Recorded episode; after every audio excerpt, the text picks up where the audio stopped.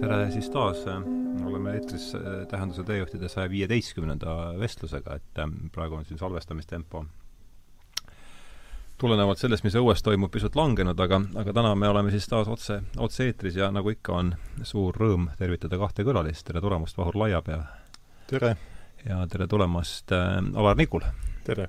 et äh, siis äh, saate see töö pealkirjaks äh, sai äh, Afganistani vang, selle pealkirja ma võtsin siis äh, Vahur äh,, Vahuri raamatust, et mis see päris pealkiri lõpuks jääb, eks see sõltub, selgub siin vestluse käigus, aga aga oluline on vast see, et see sõna Afganistan siis äh, selles äh, teemas, et tõepoolest Afganistanist meil täna juttu tuleb äh,, mõlemad, mõlema, mõlemal mehel on Afganistani kogemus olemas ja ja, ja võib-olla alustamegi nii, et öelge palun kõigepealt enda kohta paar sõna üldse, et kellega, kellega meil on paar sõna sissejuhat-, paar sõna enese, enesetutvustuseks ja siis läheme kohe ragina alla Afganistani teema kallale. ole hea, võtame Vahurist pihta. ametilt olen ma nüüdseks juba paarkümmend aastat filmitegija, hariduselt, hariduselt filoloog, kunagi natuke keeleteadusega pistmist teinud, viipekeelt uurinud viimastel aastatel hakanud üha rohkem kirjutama, et võib-olla on see seotud vanusega, et äh, kui enam ühel päeval filme ei jõua teha, et siis võib-olla saab, saab raamatuid rohkem kirjutada ja välja anda. aga Afganistani viis mind ja ka ju tegelikult filmi tegemine esimest korda kaks tuhat kümme, siis veel mitmed korrad ja viimane kord siis kaks tuhat seitseteist, kui ma seal tegin filmi sinna kunagi jäänud Nõukogude sõduritest, kes seal vangi langesid sel ajal, kui Alar seal sõdis, ja kes jäid ellu, jäeti ellu, astusid islamisse ja kellest siis sisuliselt on aja jooksul saanud või tulnud afgaanid. nii et neid, neid mehi ma seal otsisin ja filmisin tol ajal mm. -hmm. Alar? jaa, Alar Neegul minu nimi ja olen olnud eh, enamus oma elust koolitaja mm., et niisuguse ärikoolitusega tegelenud. et viimased juba üle kümne aasta siis eh, omaenda firmas. peres on kolm last, abielus, jah. ja, ja mis siis veel, Afganistanis jah, olin siis eh, Nõukogude armees kaks aastat, natuke vähem. ja ega rohkem mind selle teemaga nagu miski ei seogi, ainult mälestused ja võib-olla ka siis see üks raamat, mis ma kunagi kirjutasin kaks tuhat kaheksa, äh, Võitlus kahel rindel. et see oli sellepärast huvitav vast, et oli üks esimesi üldse Nõukogude armee eest kirjutatud eestikeelne raamat, mis, noh, mis nagu avalikkuse ette nii mahukalt jõudis. et pärast seda on neid palju olnud neid raamatuid. ja nüüd ka vanemaks saades siin, siin väikesed äh, tööseisakud seoses selle, selle viirusega, et siis ma olen siin ka alles hiljuti ühe raamatu jälle välja andnud. et vanas eas vist jah. mis see teise nimi on? see on nüüd küll üks romaani mõõtu, aga ka jah, et onu Heinost. oma nime all või? jaa, ikka. onu Heino ja, ja Kaspar, nende seiklused et siis ostke, lugege.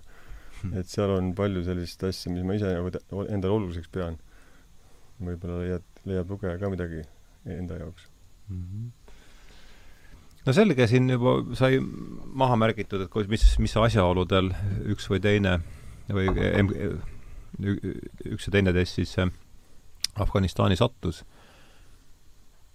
ma arvan, et see saade, saate mõte tuli üldse kuidagi, me saime Vahuriga tuttavaks ja läbi, läbi selle Dostojevski, tolle kuulsa Mõškini monoloogi siis Idioodis, kus Dost-, Dostojevski kirjeldab oma seda, kas see oli tuhat tuhat kaheksasada nelikümmend üheksa, kui nad jõuluõhtul rivistati sinna Petropavlovski või ei, see ei olnud see Petro-, mis, mis, mis plats see oli, ühesõnaga ja, ja seoti siis osad neist ka postide külge kinni ja siis viimasel hetkel anti, tuli, tuli siis käskjalg tsaari, tsaari armuandmis äh,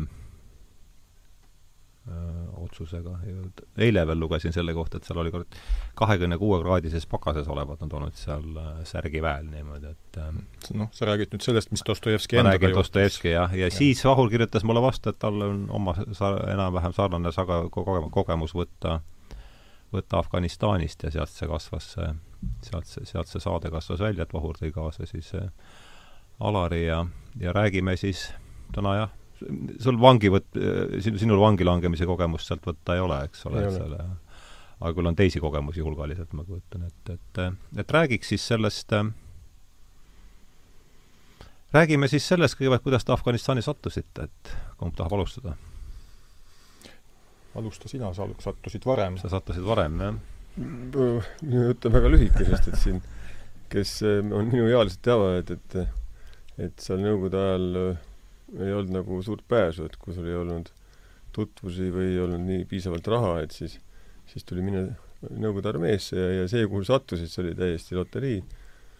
ja eks me kõik kartsime, me juba teadsime ju, et Afganistanis eh, surrakse ja ja mitte niisama surrakse, vaid me teadsime mingisuguseid piinamisvõtteid, olime kuskilt kuulnud. ühesõnaga, hirm oli meeletu. aga mitte midagi teha ka ei olnud. ja kui siis eh, armeesse mind võeti kohe Tartu Ülikooli esimese kursuse novembrikuus. et siis me loomulikult lootsime, et, et me oleme juba ülikoolis, et äkki mis sa läksid õppima? kehakultuuri, Tartu Ülikool. ja lootsime, et saame kuskile nutik, nutikama koha peale, no ükskõik kuhu kohta, aga mitte, mitte Afganistani, aga aga nal-, paradoksaalne on see, et meie kursuselt eh, kolm inimest, me kõik olime koos tegelikult eh, Afganistanis lõpuks mm.. et see oli kogu kursuse, jah? Kursuse pealt kolm poissi sattus nagu ühte ah., ühte kokku mm -hmm. Afganistani. no kõik läksid, eks ole, sõjaväkke, aga kolm tükki koos, et see oli nagu eri, eri, erakordne selline nagu kokkusattumus. ja, ja ega noh, me ei, muidugi ei läinud ju kohe otse Eestist Afganistani, vaid, vaid kuna me läksime uue polguga, et siis kõigepealt toimus äh, väike väljaõpe siin äh, ähm, Geoktepe on selline koht seal Iraani piiri ääres, Turkmenistanis ja ja sealt me siis äh, läksime märtsi esimestel päevadel läksime, läksime siis aasta on siis kaheksakümmend? kaheksakümmend viis. kaheksakümmend viis, jah. et kaheksakümmend neli novembris läksime nagu sõjaväkke esimest mm -hmm. päeva ja, ja kaheksakümmend viis nagu märtsi alguses juba olime seal. ja ehitasime ka oma polgu üles niimoodi lagedale, lageda taeva all, telklinnaku, kaheteistkümnes polk mm. -hmm. no vot, et niimoodi sattusin mina sinna et ühesõnaga valikuvõimalus tegelikult anti, ütleme, teoreetiliselt. Tekkis olukord, kus oli polgurivistus ja siis ja siis polgu komandör küsis nagu kogu polgu ees, kus oli üle kahe tuhande sõduri rivis, et kas keegi soovib ka nagu mitte minna sinna, et, et siis astuge rivist välja. aga me olime selle kahe, nädala või kahe jooksul olime näinud piisavalt õudusi selles sõjaväes juba ja kujutasime ette, mis meist saab, nagu kui me nagu välja astume rivist ja selles mõttes ma arvan, hirm nagu seal kohapeal see oli veel Turkmenistanis või? ei, see oli Gvardeiskis. aa, Gvardeiskis. me Gvardeisskist liikusime ešeloniga sinna Turkmenistani ja enne seda, kui me ešeloni peale astusime, tehti see küsitlus ära. ja selles mõttes on neil õigus, kui nad ütlevad, meil ei ole võimalik valida. oli küll.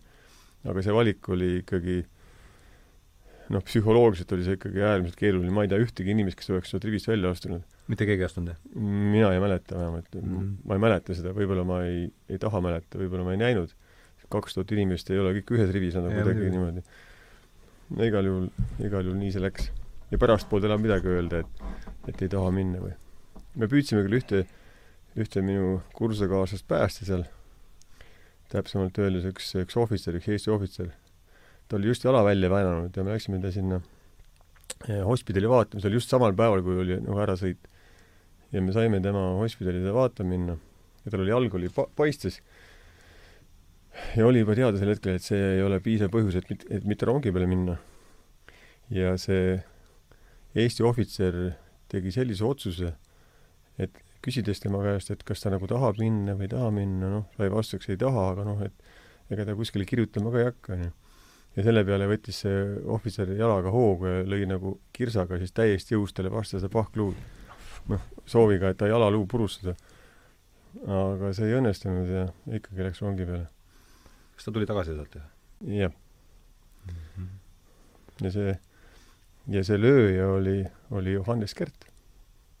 jah, seda raamatus, seda episoodi, see, et oli nii, pärast ütles ka, et oleks pidanud käeluu purustama, oleks kindlam olnud. nii et ühesõnaga, sellised lood olid. et ta sellise teoga siis püüdis päästa ühte inimest, ühte eestlast, aga ei õnnestunud. tähendab, õnneks Andrus, keda ta siis lõi, tema õnneks tuli tagasi ja, ja kõik läks hästi. kas te kolmekesi tulite kõik tagasi? jah. haavata ka ei saanud keegi või? haavat ei saanud. Aur, kuidas sinuga?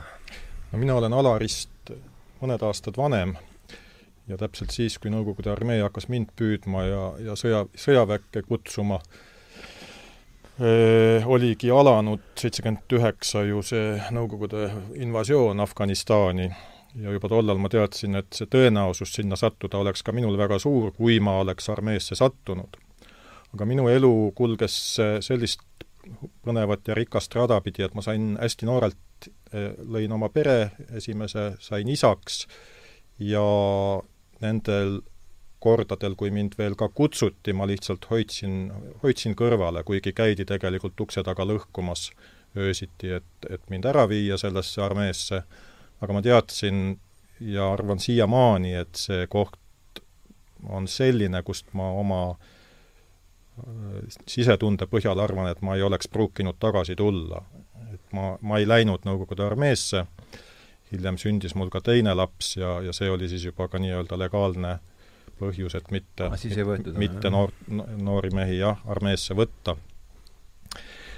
Aga see tunne jäi, jäi igatahes nagu kestma ja ma arvan, et kui ma kaks tuhat kümme lõpuks esimest korda Afganistani pääsesin ühte väikest filmi tegema sealsetest koolitüdrukutest, et siis tegelikult tegelikult ma tundsin, et ma ei lähe lihtsalt ühte kohta või ühte riiki, et noh, ma olen maailmas palju ringi käinud ja erinevates kohtades filmi teinud, aga selle Afganistani tähendus oli ikkagi minu jaoks väga eriline ja juba seda esimest filmi noh, tehes ja, ja selleks valmistudes ja sinna minnes ma teadsin, et seal on olemas sellised mehed, kes seal sõdisid, sellised umbes minuvanused või ka võib-olla natuke nooremad mehed, kes, kes said haavata, langesid vangi ja kui tavaliselt või väga sageli nad lasti maha või piinati või tapeti, tapeti mingil muul moel, siis, siis noh, oli kirjanduses andmeid, ma olin lugenud siit ja sealt, et on mehi, kes siiamaani elavad Afganistanis, venelased, võib-olla ka mõnest teisest rahvusest, aga igatahes eestlasi neid seal ei ole, kes on siis võtnud vastu islami, kui vabatahtlikult või mitte vabatahtlikult see juhtus, on iseküsimus, ja hakanud sõdima oma relvavendade vastu, ehk siis Nõukogude sõdurid või armee vastu, seal kohanenud, elanud ja siiamaani elavad. ja praeguseks, noh, sellel ajal, kui ma, kui ma hakkasin valmistuma siis tõesti selleks filmiks äh, nendest endistest Nõukogude sõduritest mul oli ikkagi andmeid ja mingeid, mingit infot vähemalt paarikümne mehe kohta mm, -hmm. kes seal siiamaani elavad. tõenäoliselt on neid rohkem, sest seda infot tuli kogu aeg juurde. kui ma lõpuks ka kaks kuud Kabuli vanglas veetsin, siis ka seal ma sain äh, tegelikult uut infot äh, endiste Nõukogude sõdurite kohta, noh, kelleni siis oleks võinud jõuda, aga paraku ei, ei jõudnud mm. -hmm nii et minu Afganistani lugu, ma olen seal teinud siis nüüd kokku kolm filmi, esimese tuhat ühe, kaks tuhat kümme. see oli see tüdrukutest, jah? see oli jah, Tšarikari tüdrukud, teise ma tegin siis kaks tuhat neliteist, selle filmi nimi on Afganistani projekt ja see oli erinevatest Eesti, eestlastest, kes seal siis oma asja ajasid mm, ja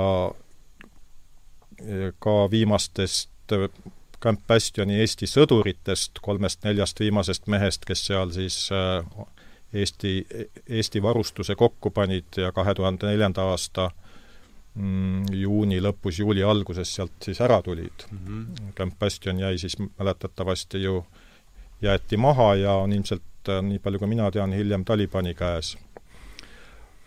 ja, ja kolmandat filmi siis äh, mille nimeks sai lõpuks Afganistan vangis ja vabaduses ja mis on ka väikse pooletunnise filmina olemas, hakkasin ma tegema kaks tuhat kuusteist ja kaks tuhat kuusteist novembris õnnestus mul siis kümmekond päeva olla Heratis ja, ja filmida ühte siis endist Nõukogude sõdurit, Bahretin Hakimovit. see oli juba pärast seda, kui sa olid vangis olnud? ei, see oli enne. enne veel, jah? jaa. see, see oli kaks tuhat kuusteist november ja sellest, ja sellest Aha. mehest tegelikult ja, see film ongi. Ja kui ma läksin seda filmi jätkama äh, siis äh, Afganistani ja, ja Heratisse kaks tuhat seitseteist aprillis ja sellesama esimese minu kontakti ja esimese mehe, keda ma filmisin, kaudu ma jõudsin järgmiste Nõukogude sõduriteni, tema tuttavateni, ja me pidime siis minu Afgaani sõbraga minema filmima ja meie teejuhiks ja usaldusisikuks oli üks, üks Talibani grupeeringu komandör, kes lubas meid siis viia, viia nende meeste juurde, kes mõlemad on talibid mm. -hmm. nii palju, kui mina tean, kõik need endised Nõukogude sõdurid, kes sinna jäid, ma ei, ma ei väida, et kõik on, aga need, kellest ma olen kuulnud, on, on talibid, nad on liitunud Talibaniga. ilmselt peale sõdimise nad midagi seal teha ei ole osanud ega saanud ja ega ei ole palju ka valikuid võib-olla antud. nii et kaks tuhat seitseteist, kaheksateistkümnenda aprilli varahommikul me siis äh, koos minu Afgaani kolleegi Moshiniga, eh, siis selle Talibani komandöriga ja tema autojuhiga sõitsime, sõitsime siis varahommikul Heratist välja ja mõne tunni pärast siis keeras auto teelt kõrvale enne Shindandi ja, ja piirati ümber ja, ja üks tali-, Talibani grupeering võttis meid siis, võttis meid siis kinni seal. No kena, jätame, anname siit, vaatame, kuidas see paralleellugu läheb siis, et te olete siis nüüd Turkmenistanis äh, Kardeiskist, kaua see rongisõit, see kestis ju oma nädala või? noh, sellest võiks omaette raamatu kirjutada, seal raamatus on aga anna, anna natuke värvi see. paar peatükki ka. aga see nägi välja niimoodi, et, et äh, isegi kaheksakümmend neli, kui meid rongi peale pandi, siis ma ei olnud neid selliseid vaguneid enam näinud. ma mäletasin hästi varaselt lapsepõlvest, et olid sellised vagunid olemas sellised äh, platskaardivagunid, niisugused luitunud ja, ja noh, umbes sõjaaegselt ilmselt. Ja siis seal noh, kui te kujutate ette, noh, tänapäeval on seal rood, rühm, siis see on mingi sott, sott, natuke sada pluss, sada pluss, eks, jah. no see, venelastel on siis vastav nagu rood, eks ole, on sada pluss inimest ja siis on nagu nagu vood on siis nagu selline nagu rühm, eks ole. ja seal oli siis niimoodi, et, et see üks üks, üks rood oli nagu ühes vagu-, ühes noh, vagunis jah. ja siis ühte vahesse, kus on tegelikult siis nagu kuus magamiskohta põhimõtteliselt platskaardil, seal on siis üks ateljeeni ehk siis nagu üks jagu. ühes jaos on kümme pluss inimest. ehk siis need ülemised, need, need kottide panemise kohad ja see kõik igal pool magati, eks ole, ikka jäi üks inimene üleval ja kõik varustus oli kaasas, kõik madratsid, kõik, kogu see sõjavarustus. et kujutage ette nüüd see ühte vagunit, kus on siis igas selles vahes, igas vahes on umbes kümme inimest koos kõigi varustusega, eks ole, ja niimoodi töötatakse ma ei tea, mis see oli, kaheksa päeva, kümme päeva. nädal läheb kindlasti üle. natuke rohkem kui nädal vist oli, jah. ja seda ei köetud loomulikult, seda vagunit, sest seal ei olnud kütet üldse olemas. mis kuus, aa, see oli siis see oli, see oli siis äh, novembri lõpp. detsember kuskil sealkandis jah, seal, seal vahemikus. ühesõnaga sõitsime läbi Ukraina, ma mäletan, siis oli seal ikkagi paks lumi maas ja ja, ja kõik see Kemmerg oli jäätunud niimoodi, et Kemmergi varianti ei olnud. Ja siis noorsõdurid pidid käima vahepeal nagu süüa toomas sellele oma rühmale nii-öelda. ja siis ühest vagunist jooksis välja umbes kolm-neli sellist, noh, oodati seal kaks pottide käes, kaks kümneliitrist termost käes, oodati nagu kuni rong seisma jääb, siis hüpati välja, joosti kuskile ettepoole, kus pidi olema siis äh, noh, loomavagun, kus siis olid need piitad ja noh, seal elava tule peal tehti seda yeah., seda sõduritoitu, on ju, seal toimus siis meeletu rüselemine, eks ole, kõik tahtsid oma toitu kätte saada, ei, mitte kunagi ei teadnud, kui kaua rong peatub ja kui sa siis seal ei saanud seda toitu kätte, näiteks ja tagasi jooksid tühjadega, siis võid ise ette kujuta. ega ohvitserid meie juures seal ei viibinud, olid kuskil omaette kogunenud, et me olime täiesti oma pead seal, noorsõdurid. ja, ja siis, kui noh, lõpp, oodetame, et saime söögi kätte, söö-, söödi ära, siis tekkisid mingisugused väga rasvased kataloogid seal ja noh, mitte ühtegi tilka vett seal ei olnud, ei pesemise jaoks, ma ei mäleta, kus see joogivesi sinna toodi, aga need kataloogid tuli puhtaks kuidagi saada. ja loomulikult kõik kataloogid läksid selle käppude ja noorte kätte, kes siis olid just äsja nagu sõjaväkke tulnud. nii et kogu see reis oli meie jaoks üks meeletu selline õudusunenägu. ja kui sa parajasti siis mitte midagi teha ei olnud, istusid seal, ega siis nad ju hakkasid ennast lõbustama, nendel oli ka igav nendel vanakestel. hakkad tegema seal adboi, padjom, eks ole, mis on siis see riietumine niimoodi kella peale ja lahtivõtmine ja noh, alguses oli muidugi väsitav, aga lõpuks võis öelda, et isegi võib-olla mingi väike, väike kasu oli ka sees, et et kui nelikümmend viis sekundit on, on nagu Vene sõjaväes oli see norm, et pidi ennast riidesse saama, et rivisse minna, siis ma arvan, et lõpus oli see rekord alla kolmekümne sekundi, onju et võib-olla isegi mingis olukorras tulevikus läks äkki vaja ka, aga, aga noh, aga see oli, vot selline reis oli. see ei olnud midagi meeldivat ja, ja kakeldi palju, või tähendab, peksti palju, niimoodi, et jälgi ei jäänud ja et kui ribidesse lüüa, siis ei jää jälgi ja et ühesõnaga noh, asi, mida ei tahaks meenutada. noh, klassikaline Vene sõjavägi, ma olen kuulnud, et, et ega väga palju midagi muutunud pole, nii et, et et hea, et me sellest riigist eraldusime. No. Ja need inimesed, kes räägivad, et, et midagi head oli selles riigis, siis lugege mu raamatu esimesi peatükke. Jaa, aga läheme siis äh, paralleelloo juurde. nüüd on, olete siis, raamatust lugesin, et ühel hetkel paneb eurooplase välimusega afgaan aknast sisse revolvri. see on päris äh, meeldejääv kogemus, ma kujutan ette jah, no kogu see hetk on selline, mis ju, eks ta niisuguse flashbackina tuleb, tuleb ikka ja jälle, kuigi ma saan, võin küll öelda, et ma olen, olen ka peale kõiki neid kogemusi saanud ikkagi suhteliselt äh, või isegi väga hästi elada, ilma, ilma et need äh, kummitused mind oleksid väga palju kiusamas käinud. ma olen küll Afganistanis unedes nende nelja aasta jooksul, mis sellest on möödunud, palju käinud, aga olen seal ka pidanud enda eest seisma, aga alati välja tulnud olukorrast mis näitab ka, et ilmselt ma ikkagi, ikkagi sealt päris murtud mehena tagasi ei tulnud. aga see aeg, mis me olime Talibani käes, me ei teadnud ju kaua, kui pikk see saab olema, esiteks. teiseks, tõenäosus, et me ei, et me üldse sealt eluga pääseme, tundus suhteliselt teoreetiline, eriti minu Afgaanist sõbrale, kes lisaks muule on ka rahvuselt Äh, Hazara ja kuulub siis äh, šiia moslemite hulka. Meie kinnivõtjad olid ju, olid ju paštud ja sunnimoslemid ja, ja noh, seal on juba puht religioosne pool. teiseks võeti ära meie, kogu meie tehnika, minult muidugi filmitehnika, temalt äh, arvuti, kus olid ka sees ju kõik kogu info tema kontaktide kohta Euroopa organisatsioonidega, ta tegi oma, oma projekte ja arendustöid, no ühesõnaga, ta oli inimene, kes igal juhul eh, Talibani meelest ela, ellujätmist ei oleks pidanud väärima, nii et isegi kui ta arvas või ütles, et Vahur, et, et kui sina ka pääsed, et aita mu naist ja lapsi, et mina, noh, enda suhtes oli ta täiesti veendunud, et ta ellu ei jää. Ja ega me ei, ei teadnud tõesti, meid pandi ahelatesse ja enne seda jõuti mulle veel pommivest sülle visata ja öeldi, et noh, et näita, kas sa oleksid valmis seda kasutama, see oli muidugi žest lihtsalt, aga aga tõepoolest pommivest mu, mu käte vahel oli sellel hetkel ja juhtmed olid sealt väljas ja pandi meid siis mingite kettidega kinni, taheti alguses ka veel omavahel ühendada, seda siiski ei teinud ja jäime siis ootama, mis, mis edasi saab toimuma. toimuma, see oli, need olid pikad tunnid, me olime mingisuguses kuuris seal pikali, vahepeal toodi, toodi midagi juua, pudelitäis vett, võeti ära meie kellad, abielusõrmused ja kõik veel, mis võtta oli.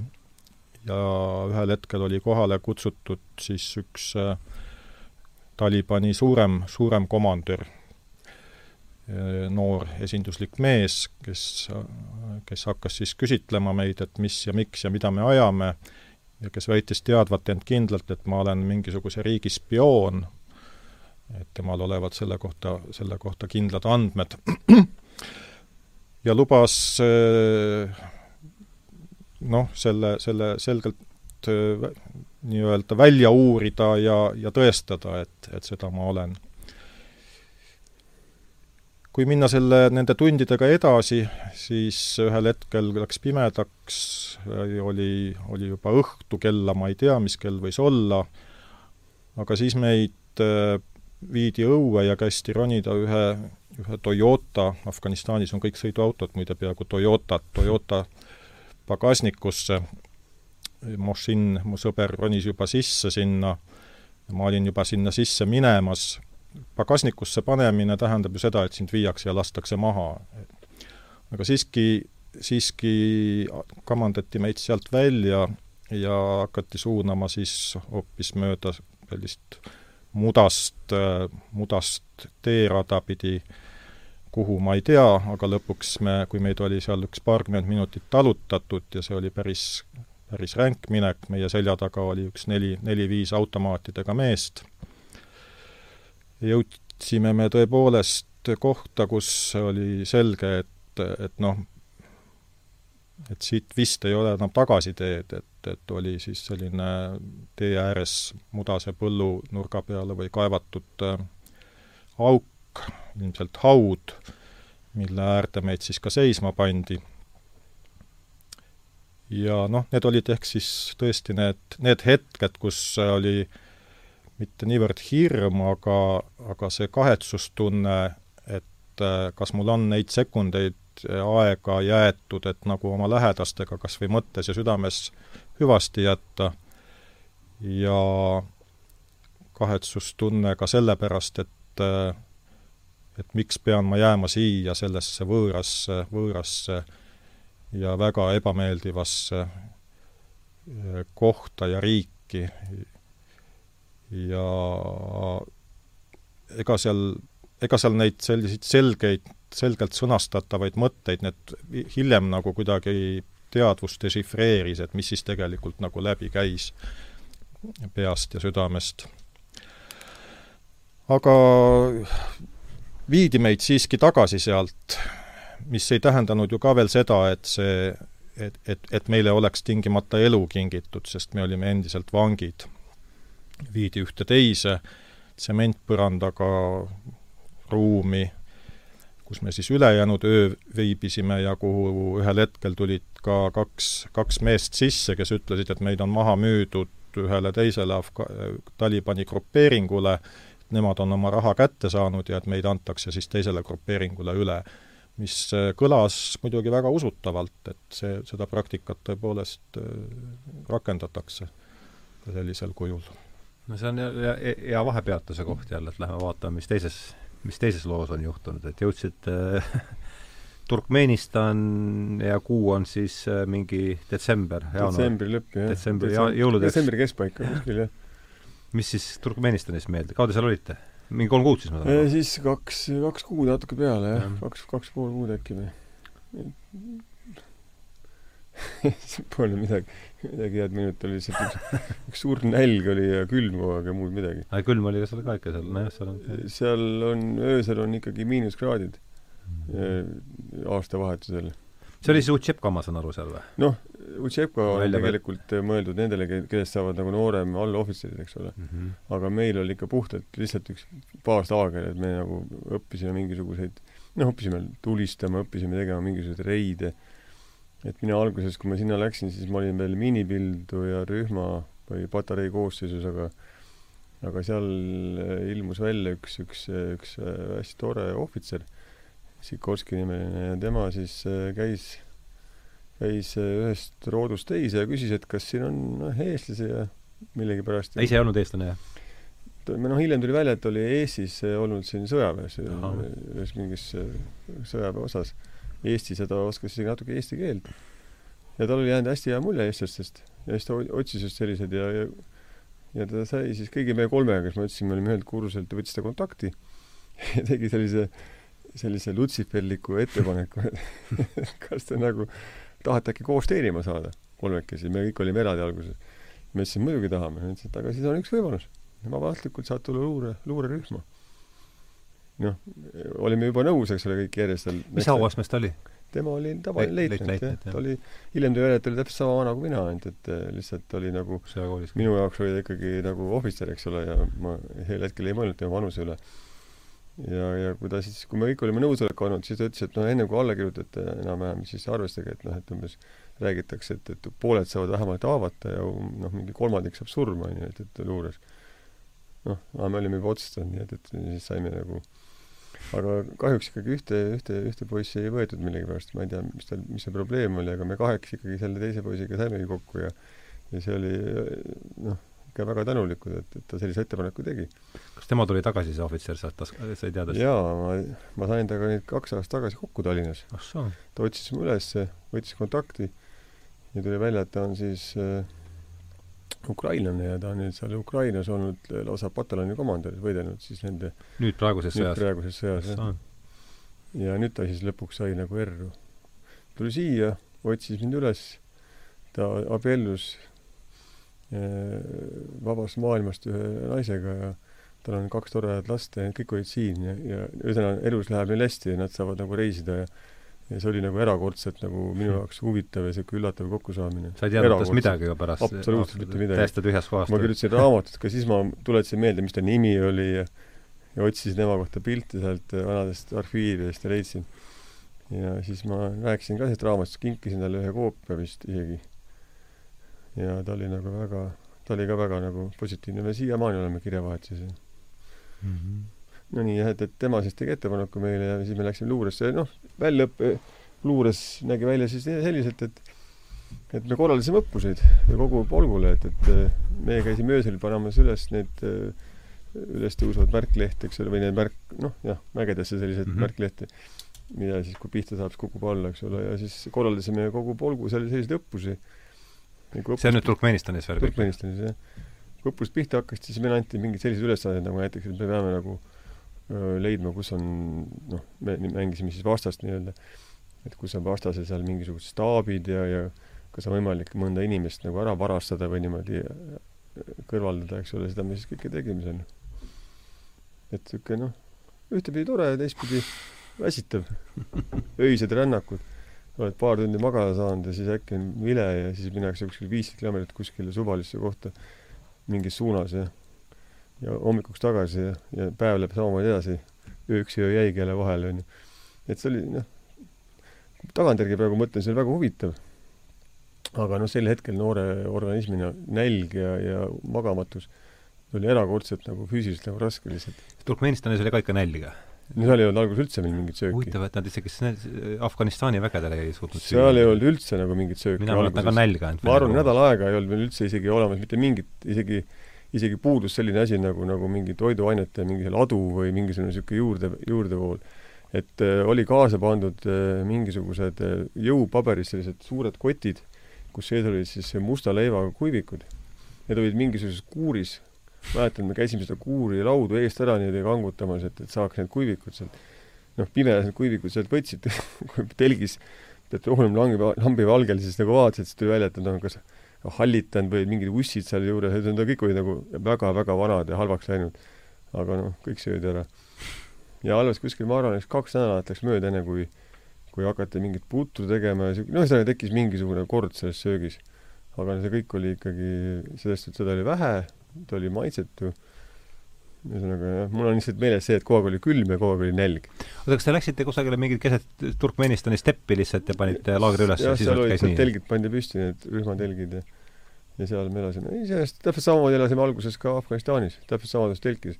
et see iseenesest, need telgid on päris okei okay,, et seal on ahi sees ja palju teid oli seal telgis? palju telgis oli rahvast? E, no ma ütlen, see oli, see oli natuke suurem kui rühmatelk, ma arvan mm. -hmm. ma arvan, et noh, ta on selline noh, sa saad ikka püsti seal ringi liikuda ja ühest osast teise, ta on selline ma ei oska kirjeldada, võib-olla mingisugune viisteist meetrit pikk ja, ja mingisugune kuus-seitse meetrit lai niisugune. et äh, see telk oli hästi okei okay.. aga see Dedovšina käis seal ka kõik edasi siis, jah? paraku küll, jah, et see oli, see oli uskumatu jah, et me lootsime ka, et jah, et kui me saame Afganistani, et siis kaob see nagu ära, et, et seal on ju hoopis teised prioriteedid. aga, aga tegelikult noh, kui tagantjärgi mõelda ja leida nagu midagi positiivset ka, et et siis tegelikult ikkagi kõik ei olnud halvad inimesed, seal olid ikka üksikud sellised eh, tüübid, kes nagu, kes nagu ei saanud kohe rahulikult olla, kui tead, noored ka puhkasid näiteks või midagi. et kui, kui mõtlema hakata jah, siis ikkagi ühed samad inimesed, kes kogu aeg tekitasid seda vaenu ja tüli ja, ja niisuguseid peksmise ringe ja niisuguseid asju. et, et noh, ikkagi ma arvan, asi on ikkagi inimestes, jah et mõned inimesed on sündinud selliseks halvaks ja ja, ja ma ikka tõsiselt mõtlesin ikka, et mõne peaks maha laskma, et, et et kui võimalus tekib. noh, see käis, mõte käis peast läbi, ma kunagi ei jõudnud isegi noh, selle mõtte tegutsemise, noh, teostamisele lähedalegi, eks ole, aga lihtsalt, lihtsalt noh, kui ei olnud veel teada, mis seal Afganistanis üldse on, eks ole, ja siis ma mõtlesin küll nagu, et kahju küll ei oleks. see on jah huvitav, et to-, äh, justkui ühel poolel ja ühes samas armees ja kui, kui tekivad sellised äh, noh, aga see mõni viis selle mõtte kindlasti ka ellu, ma arvan, seal nendes meie, meie väeosas ma ei, ei kuulnud sellist asja. ma ütlen veel kord, see no kas kindlasti, aga suure tõenäosusega. see, see mõte tekkis pigem niimoodi suures vihas, eks ole, mingil hetkel. aga ma ütlen veel kord, et ma ei ole kunagi selle mõtte teostamise lähedalegi jõudnud, ligilähedalegi. selles mõttes see, jah, see on lihtsalt niisugune tagantjärgi selline nagu ärplemine võib-olla no kena, aga läheme siis vahuri juurde. sina teed siis nüüd kaubeldi, vahet, müüdi teisele grupeeringule või te, teisele Talibani rühmale maha meie seal ja see lugu jäi seal pooleli? jah, no tegelikult ilmselt ei müüdud, sest hommikul, hommikul kutsuti meid sellest kongist siis välja ja üks talib, pika ja suure habemega, nagu nad olid, näitas minu peale ja siis tegi sellise žesti siis näitas mu sõbra Mošini peale, tegi jälle sellise žesti. poomine siis, jah? esimene mõte ja tunne oli jah, et meid on määratud äh, poomisele. aga vot, kui oluline on siiski sel hetkel oli muidugi see väga, väga ränk, ränk kogemus seda, seda näha. aga tegelikult tähendas see vabastamist mida ma muidugi ei mõistnud, ei uskunud ja ei saanudki kuni lõpuni uskuda, aga tagantjärgi võib öelda jah, tõepoolest seda ja vanglas olles ma sain teada, et see sealses äh, pruugis igal, igal rahvusel, igal kultuuril on ju oma mitteverbaalne kood nii-öelda. et sealses pruugis tähendas see vabastamist. Vabastamist võib ka tähendada seda, et kui sa lähed taevasse, et see on mm -hmm. ka mhm. vabastamine küll ma ei tea, millisesse taevasse seal selles asukorras oleks mind lastud. aga, aga kuna just mõni tund tagasi oli üks talibitest teinud telefonis lahti pildi ja näidanud äh, üles poodud äh, mehe pilti, kes oli olnud ISISe võitleja, Taliban ja ISIS ei saa omavahel läbi ja sel ajal oli see, oli see teema, nad olid kinni püüdnud ühe ISISe mehe mõni aeg tagasi ja ta üles poonud ja see pilt oli seal telefonis äh, kusjuures noh, heledates afgaani riietes, täpselt sellistes, nagu minulgi seljas olid, kui heledad nad küll olid selleks ajaks, enam on omaette küsimus, aga esimesel hetkel ma nägin seal pildi peal nagu ennast rippumas seal, seal selle, selle poomisköie otsas. nii et see, see, see eelnev, selle pildi vaatamine ja siis see hommikune žest muidugi noh, viisid ka nagu tek-, tekkis, tekitasid sellise lingi omavahel, et siis ah, siis nii. Aga meid tõesti pandi ühel hetkel hommikul, kolmkümmend tundi oli siis umbes möödas sellest, kui meid eh, kinni, kinni võeti seal varitsuses, pandi meid siis ühte autosse, teise autosse istus veel hulk relvastatud mehi, ka meie, meie autos muidugi olid relvastatud mehed ja hakati meid siis sealt sellest äh, kinnipidamiskohast ära viima ja viidigi maantee peale, suure maantee peale, tehti uks lahti, öeldi minge välja ja muidugi ka sel hetkel me ju ei teadnud veel, mida see tähendab, et ka seal tühja maantee peal me oleks võinud saada ju maha lastud. aga nad pöörasid ümber, kihutasid minema ja umbes kõige rohkem minuti pärast jõudsid kohale kaks Afganistani julgeoleku noh, siis ma sain teada hiljem, et julgeoleku džiipi kümnekonna siis sõduriga, kes omakorda lõid meid sinna pikali maha ja, ja panid käed kinni plastik nende klambritega ja, ja silmad, ninad, suud tõstsid autosse ja siis noh, siis ühel hetkel noh, lasti meilt küll siis nii-öelda, võeti näo ümbert need sidemed ära, saime me aru, et et need, kes meid nüüd kinni võtsid, et need ilmselt on siis ikkagi Afganistani nii-öelda ametliku võimu esindajad, siis hakkas pisut kindlam tunne vast juba või? või? esimene hetk oli, oli lootus ju sellele, et äkki on nüüd, äk-, äkki nüüd see asi laheneb, et, et noh, et tehakse kindlaks, mis, kus, kes, ahah, ja, ja, ja et me saame ühel hetkel vabaks.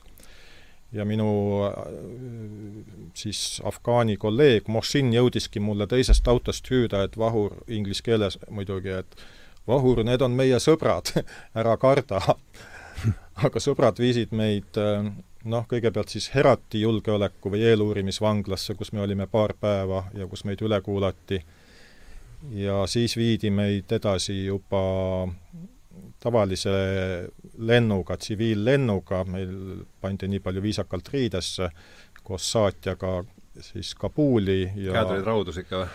ei, lennukis ei olnud, aga len-, lennukisse minnes ja kohe lennuki pealt tulles äh, pandi meil käed raudu ja kotid pähe. et, et see Kabuli, Kabuli, kus kus meid siis viidi juba eeluurimisvanglasse edasi. nii et, et sealt, sealt algas, muidugi ei teadnud ma, kui kauaks me sinna jääme, kuna noh, ütleme ausalt, ega sellises riigis ja sellises olukorras ja ka seal üritati mulle inkrimineerida mingisugust spionaažisüüdistust ametivõimude poolt ka siis või? ja loomulikult jah, et üle, ülekuulajad, kes olid, neid oli mitu tükki ja nende, nemadki väitsid teadvat, et, et ma olen mingisuguse riigi spioon ja selle ümber seal see asi keerles, noh rääkimata sellest, et et ma kirjut-, pidin alla kirjutama ja ma sain aru, et ma pean koostööd tegema mingisugustele protokollidele, millest ma tegelikult ei teadnud, mis, mi-, mida nad sisaldavad. mingil hetkel tekkisid küll inglisekeelsed tõlgid, üsna kahvatu inglise keelega, kes siis püüdsid seda sis-, sisu mulle edasi anda ja, ja, ja siis midagi ka kirja panna inglise keeles. no igatahes äh, need, need ülekuulamised äh, noh, kuhugi eriti viia ei saanud, aga selge oli see, et meile, meid oli võimalik süüdistada koostöös Talibaniga.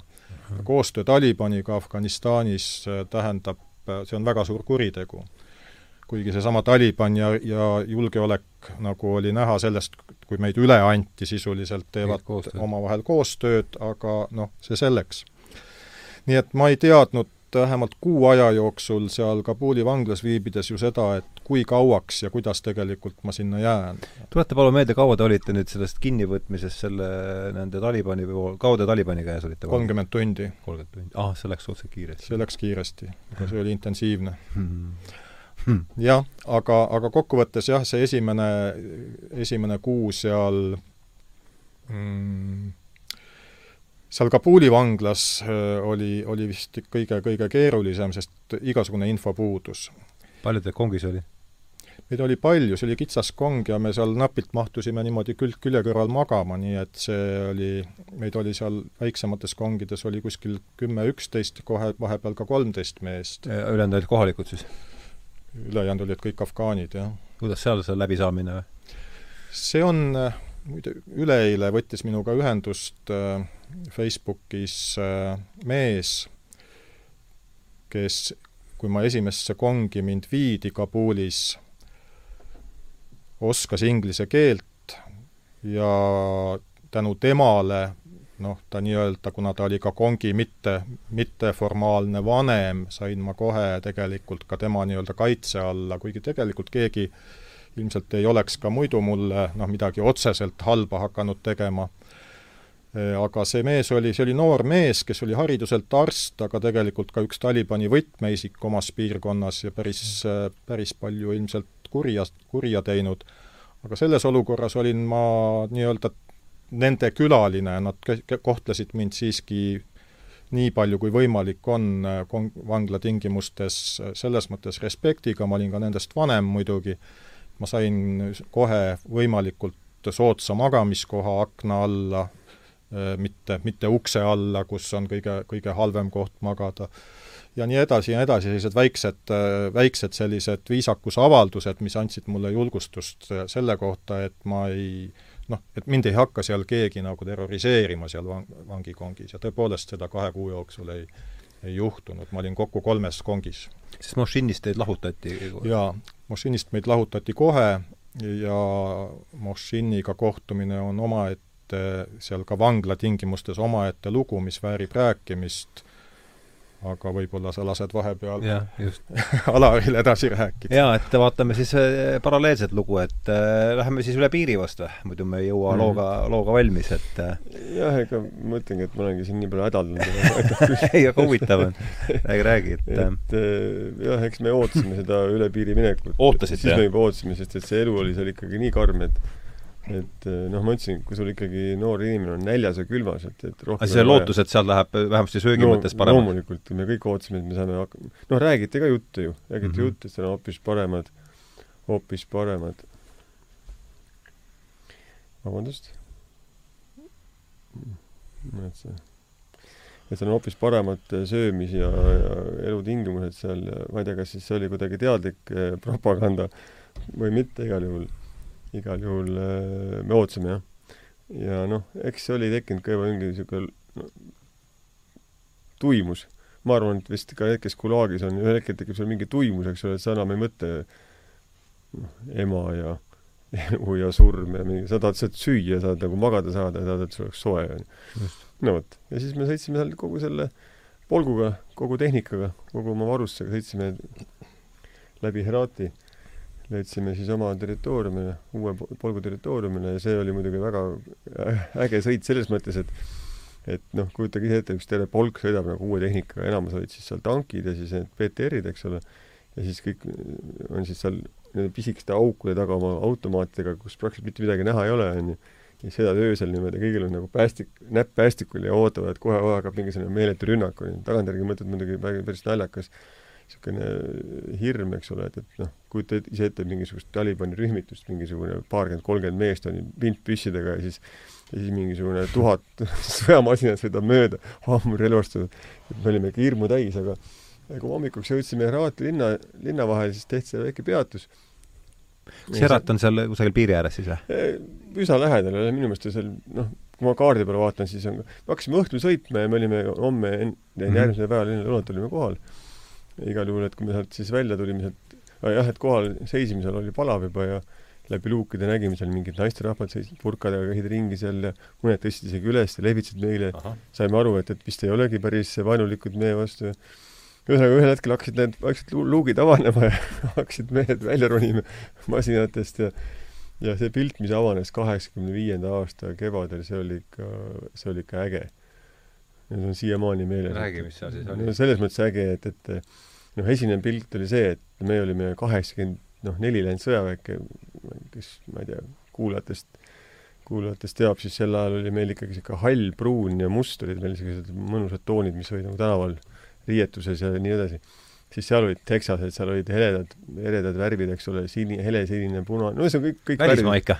absoluutne välismaa. seal olid mingisugused dukaanid, kus müüdi kõiki neid hilpe, eks ole, neid meil mingeid liivaisi teksaseid ja kõike seda, eks ole, mida me polnud, noh, mida me olime kogu aeg igatsenud, eks ole, kõik oli olemas seal. ja, ja jah, see oli, see oli ikka see pilt, mingid Mercedes sõidavad ringi, eks ole, autod.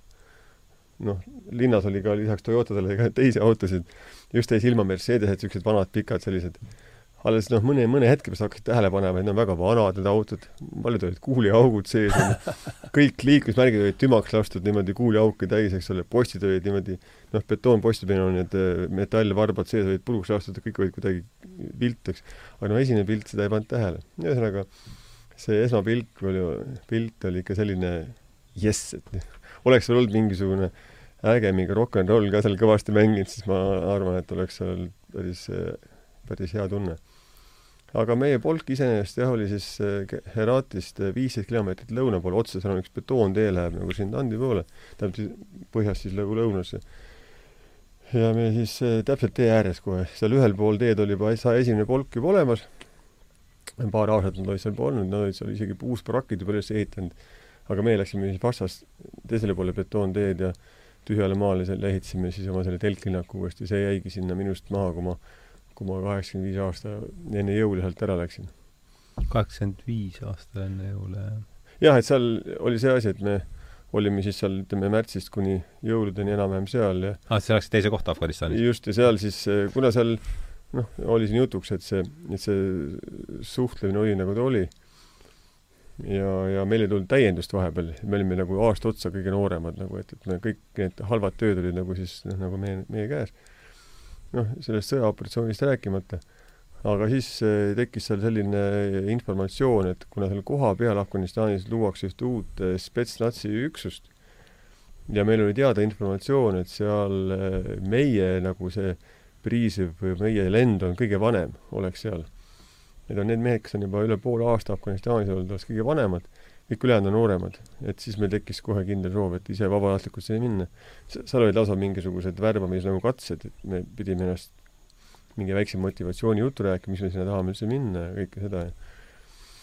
ja, ja, ja kui siis lõpuks me kõik kolmekesi eestlased, kes me, neljakesi, viiekesi isegi jah, eestlased, kes me sinna ennast kirja andsime, siis eh, nendest viiest siis kolm võet-, me parandan, üks, kaks, kolm, neli, neli, neli võeti jah, kuuest. ja, ja, ja, ja siis me läksime uude kohta ja seal oli siis juba hoopis teistsugune elu. aga nüüd, äh, vot hiljem, kui ma nüüd selle oma luurerühma komandöriga kokku sain, tema läks sellesse spetsnatsi, läks siis luureülemaks. ta läks sinna luureülemaks ja see oli eriti julgustav nagu, et, et minu siis Äh, rühma ülem saab siis kogu pataljoni luure ülemaks, et see oli nagu väga hea info. Ja, ja nüüd, kui ma temaga kokku sain kahe aasta eest, siis ma küsisin ta käest ka, et aga miks need kaks eestlast maha jäid, kes siis maha jäeti, kaks väga tugevat võitlejat ja väga toredat inimest. ta küsib otse mulle otsa, et kas sa siis ei tea või? ma ütlesin, muidugi, me oleme siin kakskümmend viis aastat oma pead murdnud, et huvitav, mis nad nagu maha jäeti. sest üks nendest oli, elas seda väga raskelt üle nagu, et teda kaasa ei võetud ja siis ta ütles, et aga see oli õige teada, spetsnats ei võeta ühtegi juut ega ühtegi eestlast. Noh, see oli minu jaoks üllatus. sest aga mind, aga mind ju võeti. ma ütlesin, noh, mõne eest ma astusin ise välja ja ütlesin, et nemad on nadjoožne ja noh, ehk siis selles mm -hmm. mõttes nagu usaldusväärsed. aga ühesõnaga siiamaani ei saa aru, kas see oli nüüd, oli see mingisugune väljamõeldud info või mitte, aga igal igal juhul ta rääkis, et seal, et ta ise olevat saanud ka hiljem ka ühe telefonikõne oli saanud siis ühelt suurelt ülemuselt ja öeldi, et ikkagi võtsite kaasa juute ja eestlasi. Ta ütles, et noh, mõned eestlased võtsin, aga juute küll ei ole. selle peale, et on küll, kontrollige järgi. tuli välja, et üks koerajuht, kes oli siis koera, oli siis, kes iseenesest, koer on kirjas, juht ei ole kirjas, aga see juht oli juhtumisi siis nagu juut ja, ja see oli siis tema jaoks probleem juba. ja sellised huvitavad äh, infokillud lihtsalt hiljem. aga ma arvan, et siis ma ise, mul on endal raske uskuda, et see et see eestlaste teema kuidagi, et see kuidagi päriselt ka niimoodi oli. no Spetsnaz on eri, eriväeosa siis, eks ole? eriväeosad jah, eriväeosad ja noh, nende Spetsnazi ülesanne seal Afganistanis olid põhiliselt äh, karavanide või selline relva nagu selliste saadetiste jahtimine. et ühesõnaga, põhiline on see, et, et et takistada siis abi andmist Afganistani noh, nende musulmani võitlejatele.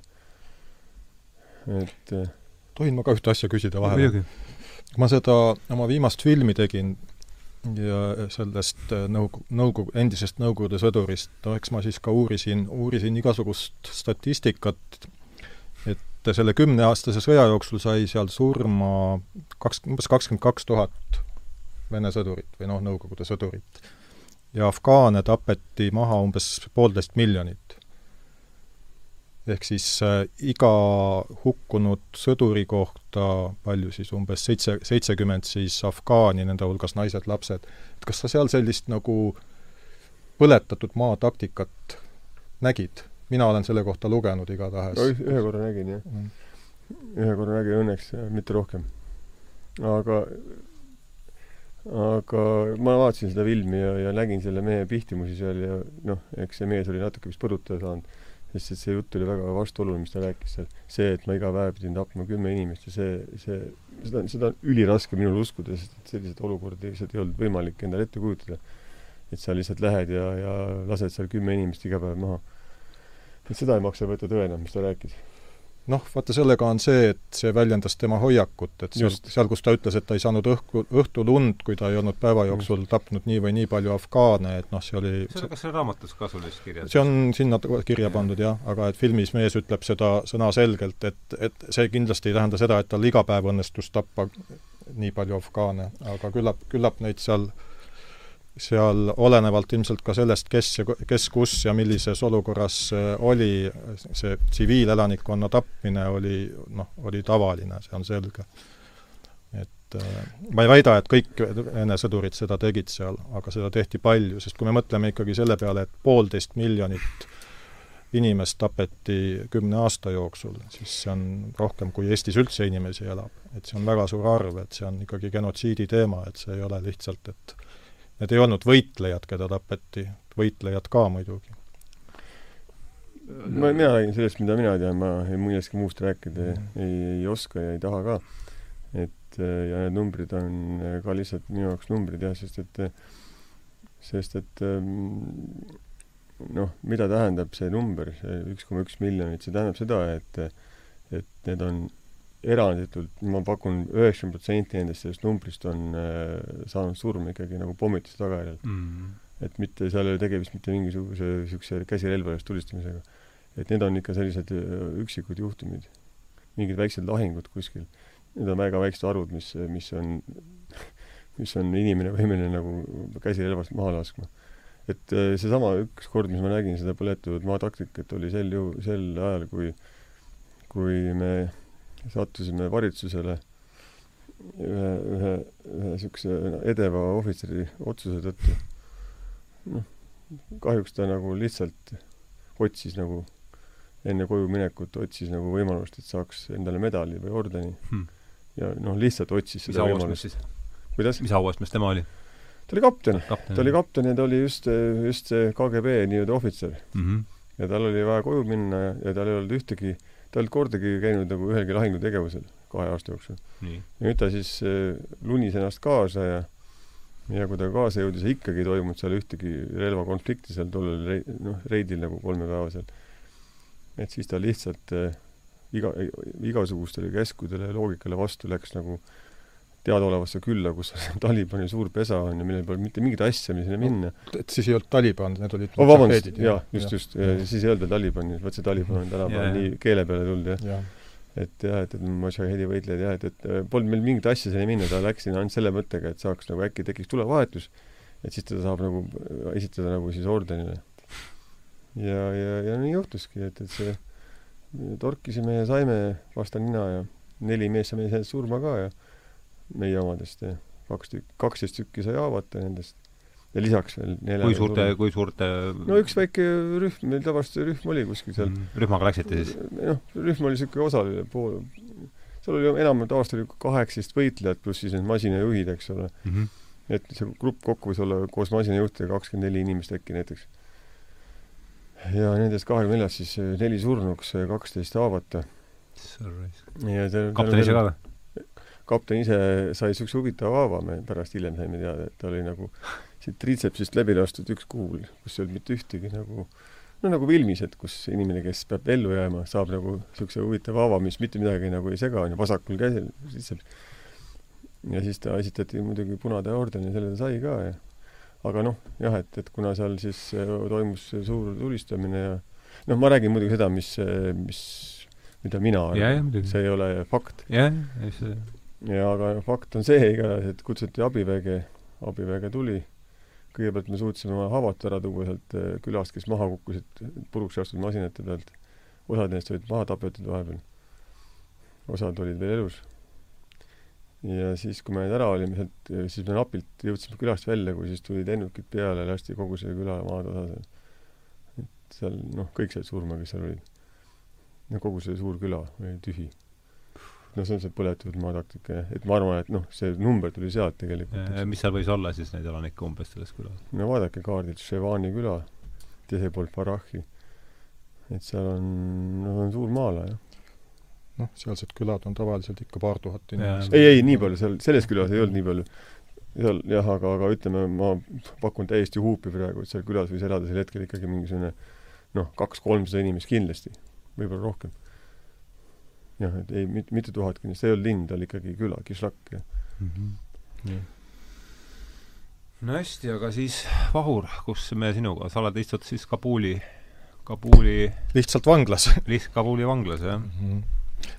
jah, jutt jäi pooleli selle koha peal, et see mees, kes üle, üleeile mul Facebookis minuga ühendust võttis, kes istus neli aastat vangis. kuidas? see oli see arst? Arst ja Talibani komandör, kaks mm -hmm. rolli. Talibani üks jah, niisugune selline mitte lihtvõitleja, Herati meditsiiniakadeemia lõpetanud. aga mis on tema juures huvitav, on see, et ta ise arvas, et kui ta kinni, vangi pannakse ja vangi ta muidugi pandi ja, ja noh, kui mina ära läksin, ma mi-, paar nädalat olin temaga koos, me jõudsime väga palju rääkida, tal oli päris hea inglise keel, siis ta oli kindel, et ta pannakse vangi ikkagi noh, pikaks, väga pikaks ajaks. No elu pärast ei kartnud või? elu pärast ta kartis kindlasti ka ja nüüd ongi see, et nüüd noh, nagu te teate, vahepeal siin ju ameeriklaste eestvõttel Taliban ja Afganistani valitsus pidasid läbirääkimisi, et Taliban kaasata isegi Afganistani valitsemisse ja toimusid suured, suured vangide vahetused ja amnestiad, et väga paljud talibid vabastati. Ja see, et nüüd see mees neli aastat on sellest, tema oli enne mind juba tegelikult pool aastat olnud eeluurimisvanglas, neli aastat hiljem nüüd vabastati ja ta võttis minuga ühendust, ma küsisin, kus sa oled, kus sa elad, et pere jäi tal Afganistani, aga ta ise on Pakistanis ütles, et ta ei, ei saa Afganistani minna, et ta või, võetakse seal kinni. millest ma järeldan seda, et vaatamata, vaatamata sellele, ta noh, kindlasti ta ei põgenenud vanglast, et kui ta sai ka selle amnestia, siis äh, tegelikult äh, ja see on noh, asi, mida mulle ka vanglas, vanglas räägiti, äh, sellised selliseid, sellise kaliibriga mehed püütakse ikkagi ära likvideerida, nii või naa et on teada, et, et noh, see ilus muinasjutt, et laseme ta sealt vanglast välja ja siis ta hakkab äh, põldu kündma ja vilja kasvatama, noh ei, noh, nad ei tee seda. loomulikult äh, talib jääb talibiks, ta sõdib edasi. sellisel tasandil mehed, kes on, äh, ta, tema oli ka täiesti ikkagi islami fanaatik. oli, jah? jaa, kuigi arst mm. -hmm. see on veel omaette teema, kuidas need kaks rolli vägagi toredasti ja huvitavalt kokku sobituvad ühte inimesse ja nüüd ma mõtlengi, et see, et ta nüüd on Pakistanis, et ta on vaba ja nagu ta ütles, et ta üritab endale uut identiteeti saada, et üldse pääseda liikuma, tal ei ole passi, ta tuli sealt Afganistanist siis ilmselt üle, Pakistani üle ilma, ilma dokumentideta. et see on selline, kõik on selline imelik, mõistetamatu ja loomulikult ma ei saa ja ma ei hakkagi ta käest seda küsima, sest noh, ma arvan, et need on asjad, mida ta ei saa ja noh, mulle sellisel moel rääkidagi. aga aga ma kahtlustan, et ta on, ta, ta võib olla nende meeste hulgas, kes nii või naa on pandud sihikule, et isegi kui see Talibani vangide, vangide vabastamise kokkulepe noh, vabastas väidetavalt vist tuhandeid talibeid, et siis on mingi seltskond, kelle puhul ilmselt äh, on teada, kes, kes saavad ka ise aru, et neil Afganistanis nagu kohta ega elu ei ole aga selle mehega on veel jah, see huvitav asi, ta on noor mees, haritud mees, aga aga ütles, et ka tema on juba plaaninud elus teha, teha nii-öelda enesetapu pommirünnakut, aga temale olid siis, oli öeldud, et et ära sa veel tee, et küll sa jõuad, et sul on siin elus veel muidki asju teha. niisugune mõte oli peas? jah, aga et tema oleks põhimõtteliselt valmis seda tegema ja, ja noh, on siis Koraanis äh, ju kuskil ka kirjas, et äh, see mees, kes lõpetab oma elu märtrina äh, ja viib kaasa uskmatuid, saab hiljem siis ka paradiisi kaasa kutsuda enda juurde seitsekümmend oma sugulast mm. või sõpra või keda iganes, noh et selline. ja see mõtteviis sellel arstil, kes oli lõpetanud Herati meditsiiniteaduskonna, ja see teine mõtteviis, need äh, elasid temas nagu täiesti konfliktivabalt oma elu. et see on tegelikult noh, nagu laiem teema sellest, et kui me räägime se Meile sellest, milline, milline oht tegelikult on see islami ekspansioon või invasioon Euroopasse ja meie kultuuriruumi, et siis tegelikult on see väga-väga suur oht. aga need on omaette teemad, ma ei tea, kas me nendest siin väga no vaatame, kuidas meil on, tunnike on siin läinud, et aga räägi siis, Alar, nüüd sina sellest, et saite sinna lõpuks ja noh, ma arvan, et kuidagi me peame hakkama neid lugusid nüüd valima, kuidas on esimene kord siis lahingutegevus, kuidas see on kindlasti meelde tule alla, tule, kuidas nägid välja tulerissad? ma ei tea, mida see kuulaja kuulata tahab, et tegelikult ma olen seal raamatus kõik ära kirjeldanud, et mis on er-, erksamad sündmused, aga aga võib-olla paar niisugust esimest asja võib-olla, mis meelde jäid, ei ole võib-olla nii väga tulistamisega seotud, vaid pigem see, missugused, missugused suured silmad on hirmul mm. -hmm.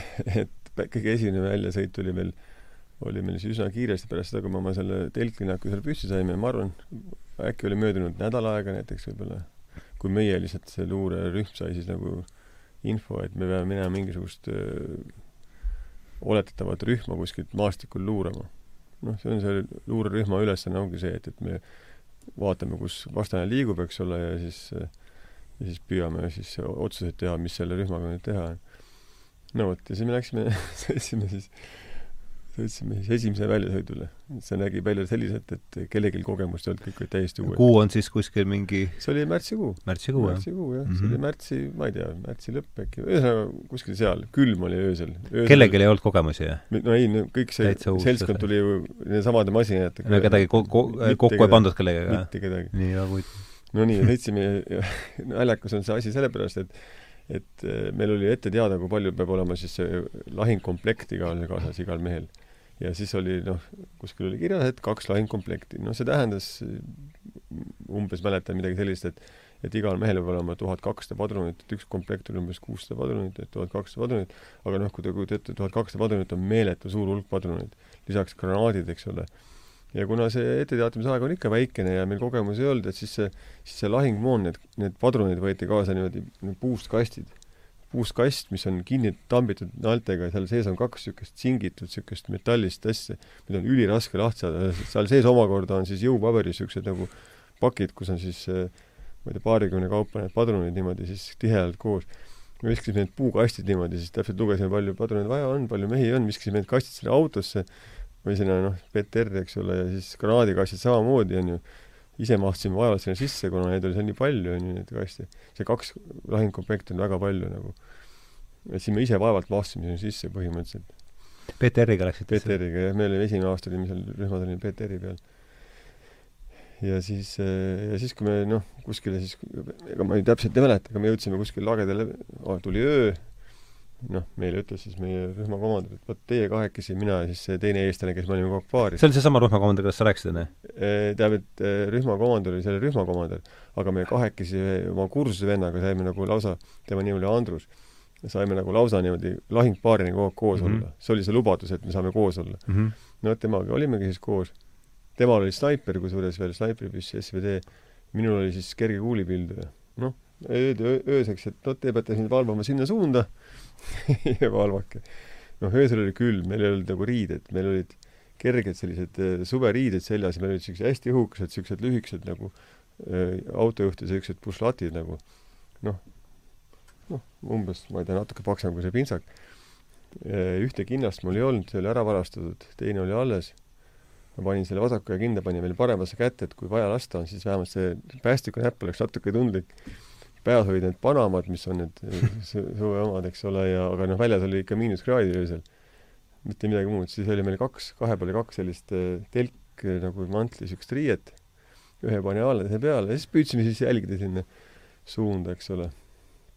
ja miks see naljakas on, on see, et hommikul siis avastame, et mingi rühm tuleb meie poole. noh, mingi seltskond liigub meie suunas. noh, anname siis teada oma rühmale seal, et, et noh, et mingi seltskond liigub siia. raadio jälgis noh, see meie, meie rühm oli lähedal. me laskusime väikse künka pealt alla, ütlesime, et sealt tuleb keegi, eks ole mm -hmm.. rühmakomandör, rühmakomandöri abi oli väga närvis selle peale, sest tema, temal oli kojuminek plaanis, ta oli, oli juba aja ära teeninud seal. tema jaoks oli väga halb üllatus, et mingisugune jama tuleb veel. püüdis tema rühmakomandöri kätte saada, kes oli kuskil mujal. side ei töötanud, kätte ei saanud muudkui tulid lähemale meile ja siis me küsisime ikka rühmakomandöri abi käest, et kas me võime nüüd tulistama hakata, et noh, nad on üsna lähedal juba. aga ta oli nii endast väljas, et noh, et tema plaanis ei olnud seda, et ta peaks hakkama siin veel midagi tulistama midagi ja jooksis ringi lihtsalt, oli täitsa peata omadega. lõpuks me saime aru nagu, et sealt ei tule ühtegi käsku ja siis eh, noh, kuna see seltskond oli päris suur, seal meil silma ette tundus üle kümne inimese, aga nad kõik olid õnneks väga nagu lähestikku et minul oli kuulipilduja, temal oli snaiper, et noh, meil oli kaks väga head relva, eks ole. ja siis me leppisime kokku, et seal oli mingisugune, mingisugune orientiir seal looduses, mingi põõsas ilmselt, mingisugune saksa huul. kuule, kui nad sellest põõsast siiapoole tulevad, siis hakkame laskma, onju. et mina hakkan paremalt, sina vasakult, eks ole, ja keskele kokku, et siis saab kõige rohkem maha jõudsid sinna põõsani juba ja ja siis see sõber Andrus vaatab läbi optilise sihiku, et kuule, tundub, et neil on punased need lõkmed siin noh, mina ei näe midagi, oma palja silmaga, eks ole. Ja ütlesin, et oled sa kindel või? ütles, et on küll, punased lõkmed on, et, et ja viimastel on isegi panamad peas, need kübarad on. ma ütlesin, et okei okay,, kuule, aga äkki ärme siis lase lasime lähemale. meie luurerühm, meie polgu luurerühm, siis oli noh, kooskõlastamata liikumine, eks ole et meie omad ei teadnud, kus nad liiguvad, on ju, oleks ääre pealt kogu rühma maha tõmmanud. aga need asjad peab siis enam-vähem, marsruudid peavad olema teada? absoluutselt, sellised, sellised ühis sellised reidid on alati väga täpselt kooskõlastatud, kes, mis kell, kuhu suunas liigub, on ju, ja nii edasi. ja mingisugused äh, sideprotseduurid on alati selgeks tehtud, eks no hiljem me saime teada seda, aga siis sel hetkel ei olnud mitte midagi. et napilt puuduses ma oleks põhimõtteliselt oma rühmale tõmmanud tule peale. ja no ilmselt ma oleks ka pihta ka saanud, sest nad olid üsna lähedal no vot, aga asi lõppes, muidugi see naljakas asi lõppes sellega, et me sõitsime sealt esimeselt reililt, sõitsime minema nende kastidega koos seal, olime seal masinas. ja kuna me pole üldse seal harjunud seal niimoodi sõdima, siis äh, Peeterid sõitsid üsna kiiresti ja hästi tolmu, tolmab hästi palju. ja mingil põhjusel meie e-, ees olev Peeter pani pidureid järsku ja meie tagune Peeter sõitis siis niimoodi talle tagant otsa täie hooga, et, et et me olime seal kastide vahel ja saime mõlemad selle Andrusega saime siis peaaegu põrutused oh.. tulime sealt äh, masinast välja ja oksendasime seal, eks ole, verd voolas siit. ühesõnaga, mina, noh. see koha, see oli kohe alguses siis? see oli esimene väljasõit. just, just, just. et saime kastidega vastu pead niimoodi väga õnnetult, on ju, ja ja, ja, ja siis äh, noh, tead, süda läks pahaks seal, oksendasime natukene ja selle peale öeldi, et noh, et kui oksendasite, siis on nagu, siis on nagu äh, ilmselt peaaegu põrutus kutsuti meile meditsiiniauto järgi viidi meid hospidali et selles on muidugi hea meel, et me saime hospidali. noh, mitte niivõrd selles, et kuidagi, et sõjategevust eemale, aga et saime natuke sellest ajateenijatest kõrvale. selles mõttes oli, oli esimene väljasõit lõppes kohe väikse avariiga ja siis sellise nagu peaaegu põrutusega. et sellise, selline lugu. aga noh, suvel oli neid väljasõite pärast palju veel sinna Herati. ja noh, tulimegi tagasi Herati kohe üks suur keset suve oli seal just kohe üks, noh, seal oli väiksemaid selliseid väljasõite ka, aga keset suve oli üks suur, suur äh, Herati selles mõttes nagu reid, et et see jäi küll meelde, et noh, minu jaoks oli see niisugune esimene niisugune tõsine asi. et see oli see, kus see, kogu see tankipolk sõitis Herati sisse, siis noh, me ei muidugi ei teadnud ju, mis seal see põhjus nagu oli, eks ole, meile vist oli väike ülesanne antud, et me pidime siis nagu oma luurerühmaga pidime siis seal, oleme seal majade katustel, eks ole, siis taganemisteid nagu siis kindlustama enda omadel ja siis, kui seal oli mingeid põgenikke, neid, neid dušmane, et siis me pidime need nagu siis noh, elimineerima. ja vot seal juhtusid küll asju, seal, seal juhtus ikka palju asju. seal lasti tanke puruks ja seal said meil paljud surma, seal tankipolgu üks komandoridest sai surma seal ja polgukomandör, jah? ma ütleks, vot nüüd ma ei, ma no praegu ei julge väita, seal sai üks, üks, üks ohvitser sai surma igatahes, ma ei mäleta, kui kõrge aste tal oli. ja seal olid ikka sellised herooilised nagu olukorrad, kus kus mindi päästma kedagi kuskile, saavad ise surma ja, ja selle kohta on, selle kohta on lood ka olemas, ma olen ise ka sellest kirjutanud, aga ma praegu siin faktidega võin eksida, nii et ma ei tahaks. no vot, ja seal, seal, seal me nägime küll selliseid äh, koledaid pilte, et et siis, siis me hakkasime nagu aru saama, mis see sõda tegelikult on, et sinnamaani olid lihtsalt olnud sellised kauged distantsid, mingid tulistamised, aga sa ei näe noh, keda sa lased või kes sind laseb, et lihtsalt paugud käivad ja noh, selliseid asju on ju, on seal Afganistanis hästi palju. aga sellised, kus sa ikkagi nagu näed oma vastast ja ta sureb ja niimoodi, noh, neid asju, need nähakse see oli siis suvel, jah? see oli kohe suvel jah, nii kui me tagasi tulime, kohe hakkas see pull pihta seal, jah. on sul meeles esimene kord, kui sa ise pidid tapma või? muidugi on meeles, aga ma arvan, et, et võib-olla räägiks millestki muust. jah.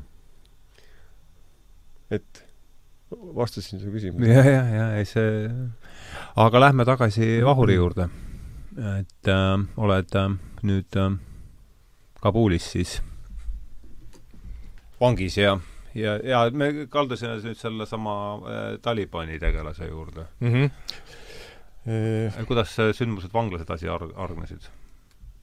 Vanglas olid esimesed nädalad noh, oli täielik teadmatus kuni siis, kui ma olin kuu, kuu aega siis juba vangis olnud, mõnda, paar korda oli mind viidud ülekuulamisele, aga, aga siis mind ühel hetkel viidi kohtuma Briti konsuliga, kes Aha. oli tulnud siis äh, Peshawarist ilmselt või noh, Pakistanist, kes oli siis ühine, ühine konsul Afganistanile ja Pakistanile, noor, noor Briti mees ja noh, see oli selles mõttes selline see oli suur läbimurre, ma kujutan ette. see oli suur, suur äh, hetk, mul oli, selleks ajaks mind oli juba järgmisse kongi viidud ja et seal nagu toime tulla, ma pidevalt tegelesin endaga, ma noh, tegin, liigutasin, noh, ruumi rohkem ei olnud, kui teha koha peal võimelda, joogat, äh, liikuda, ma tegin seda ikka tunde, tunde ja tunde iga päev. ja ja ka sellist meditatsiooni, noh, et lihtsalt olla, olla olemas, olla kohal ja ja ma olin endale oma seljale liiga teinud, noh, selg on mul üldse nõrk koht ja, ja lõikustel käidud, aga ma olin nagu ühe jala peal juba mitmed päevad, noh, kõndimine, ka tualetti hüppamine, kuhu lubati neli korda ööpäevas, oli, oli, oli noh, ühe jala peal käis kõik. aga kui mind tuldi siis äh, kutsuma ja ma sain aru, et kuhugi mind nüüd viiakse, ilmselt mitte ülekuulamisele, sest mul lasti ka riided ära vahetada, kuu aega ma ei olnud saanud oma seda vangla, vanglaürpi ega, ega pükse vahetada, aga siis korraga anti puhtad, uued. ja mind viidi siis administratiivhoonesse, pandi istuma koos saatjaga, ma muidugi olin ühe, ühe kabineti ukse taha, ja seal ukse taga oli üks äh, euroopaliku näoga noh, sõdur, noh, sain temaga paar sõna vahetada, see oli siis selle konsuli ihukaitsja, ja juba see, et ma nägin selle, seda noort meest, kes kuulus minuga samasse kultuuriruumi, tema silmi, nägu, kõike seda, ma sain aru, et ahaa, et midagi, noh, see nagu toitis mind nagu tohutult. sest äh, selleks peab olema kuu aega noh, nägupidi koos ja, ja iga päev külg külje kõrval küll sõbralike afgaanidega, aga tegelikult sa, sa oled ikkagi, sa oled mujal, sa oled võõras neile mm. -hmm. teatud lähedus tekib, aga, aga sa ei, sa ei mõista iialgi neid lõpuni ja ei saagi mõistma kunagi. ja kui ma siis seda noort meest nägin, noh siis ma sain aru, et midagi olulist on toimumas ja tõepoolest mind äh, siis äh, viidi kokku konsuliga, samas kõrval oli ka vangla ülem, kindral, äh, noh, afgaan muidugi ja, ja veel inimesi, sain telefoni teel, konsuli telefoni teel rääkida oma naisega ja ühe Eesti Välisministeeriumi esindajaga lühidalt, no ühesõnaga sealt ma sain aru, et minu asjaga tegeldakse mm, -hmm. sest selle ajani ma ei Siin teadnud üldse, milline info äh, on, kas on kui minna nüüd tagasi sellesse hetke kaua sa nüüd olid olnud seal Kabuli vanglas selleks ajaks? kuu aega. kuu aega sellesse hetke, kui meid Herati vanglast lennukiga toodi Kabuli, siis sellesse jääb üks inimlik žest, meie saatja, ka, ka Afganistani julgeolekutöötaja Heratist, kui lennuk oli juba õhku tõusnud, andis mulle oma telefoni ja ütles, et ma võin valmis kirjutada sõnumi oma lähedastele.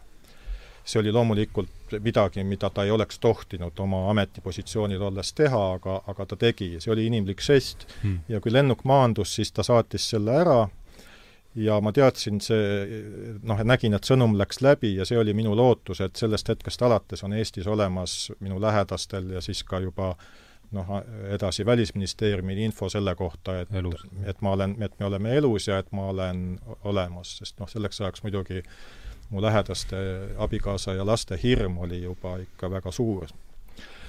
ja ja siis, kui jah, tõepoolest, siis kui ma selle konsuliga kohtusin, siis ma sain ka teada, et, et sealt see, see liikuma läks, et Eesti Välisministeerium hakkas aktiivselt tegelema ja au neile, nad tõesti, tõesti tegutsesid, tegutsesid intensiivselt.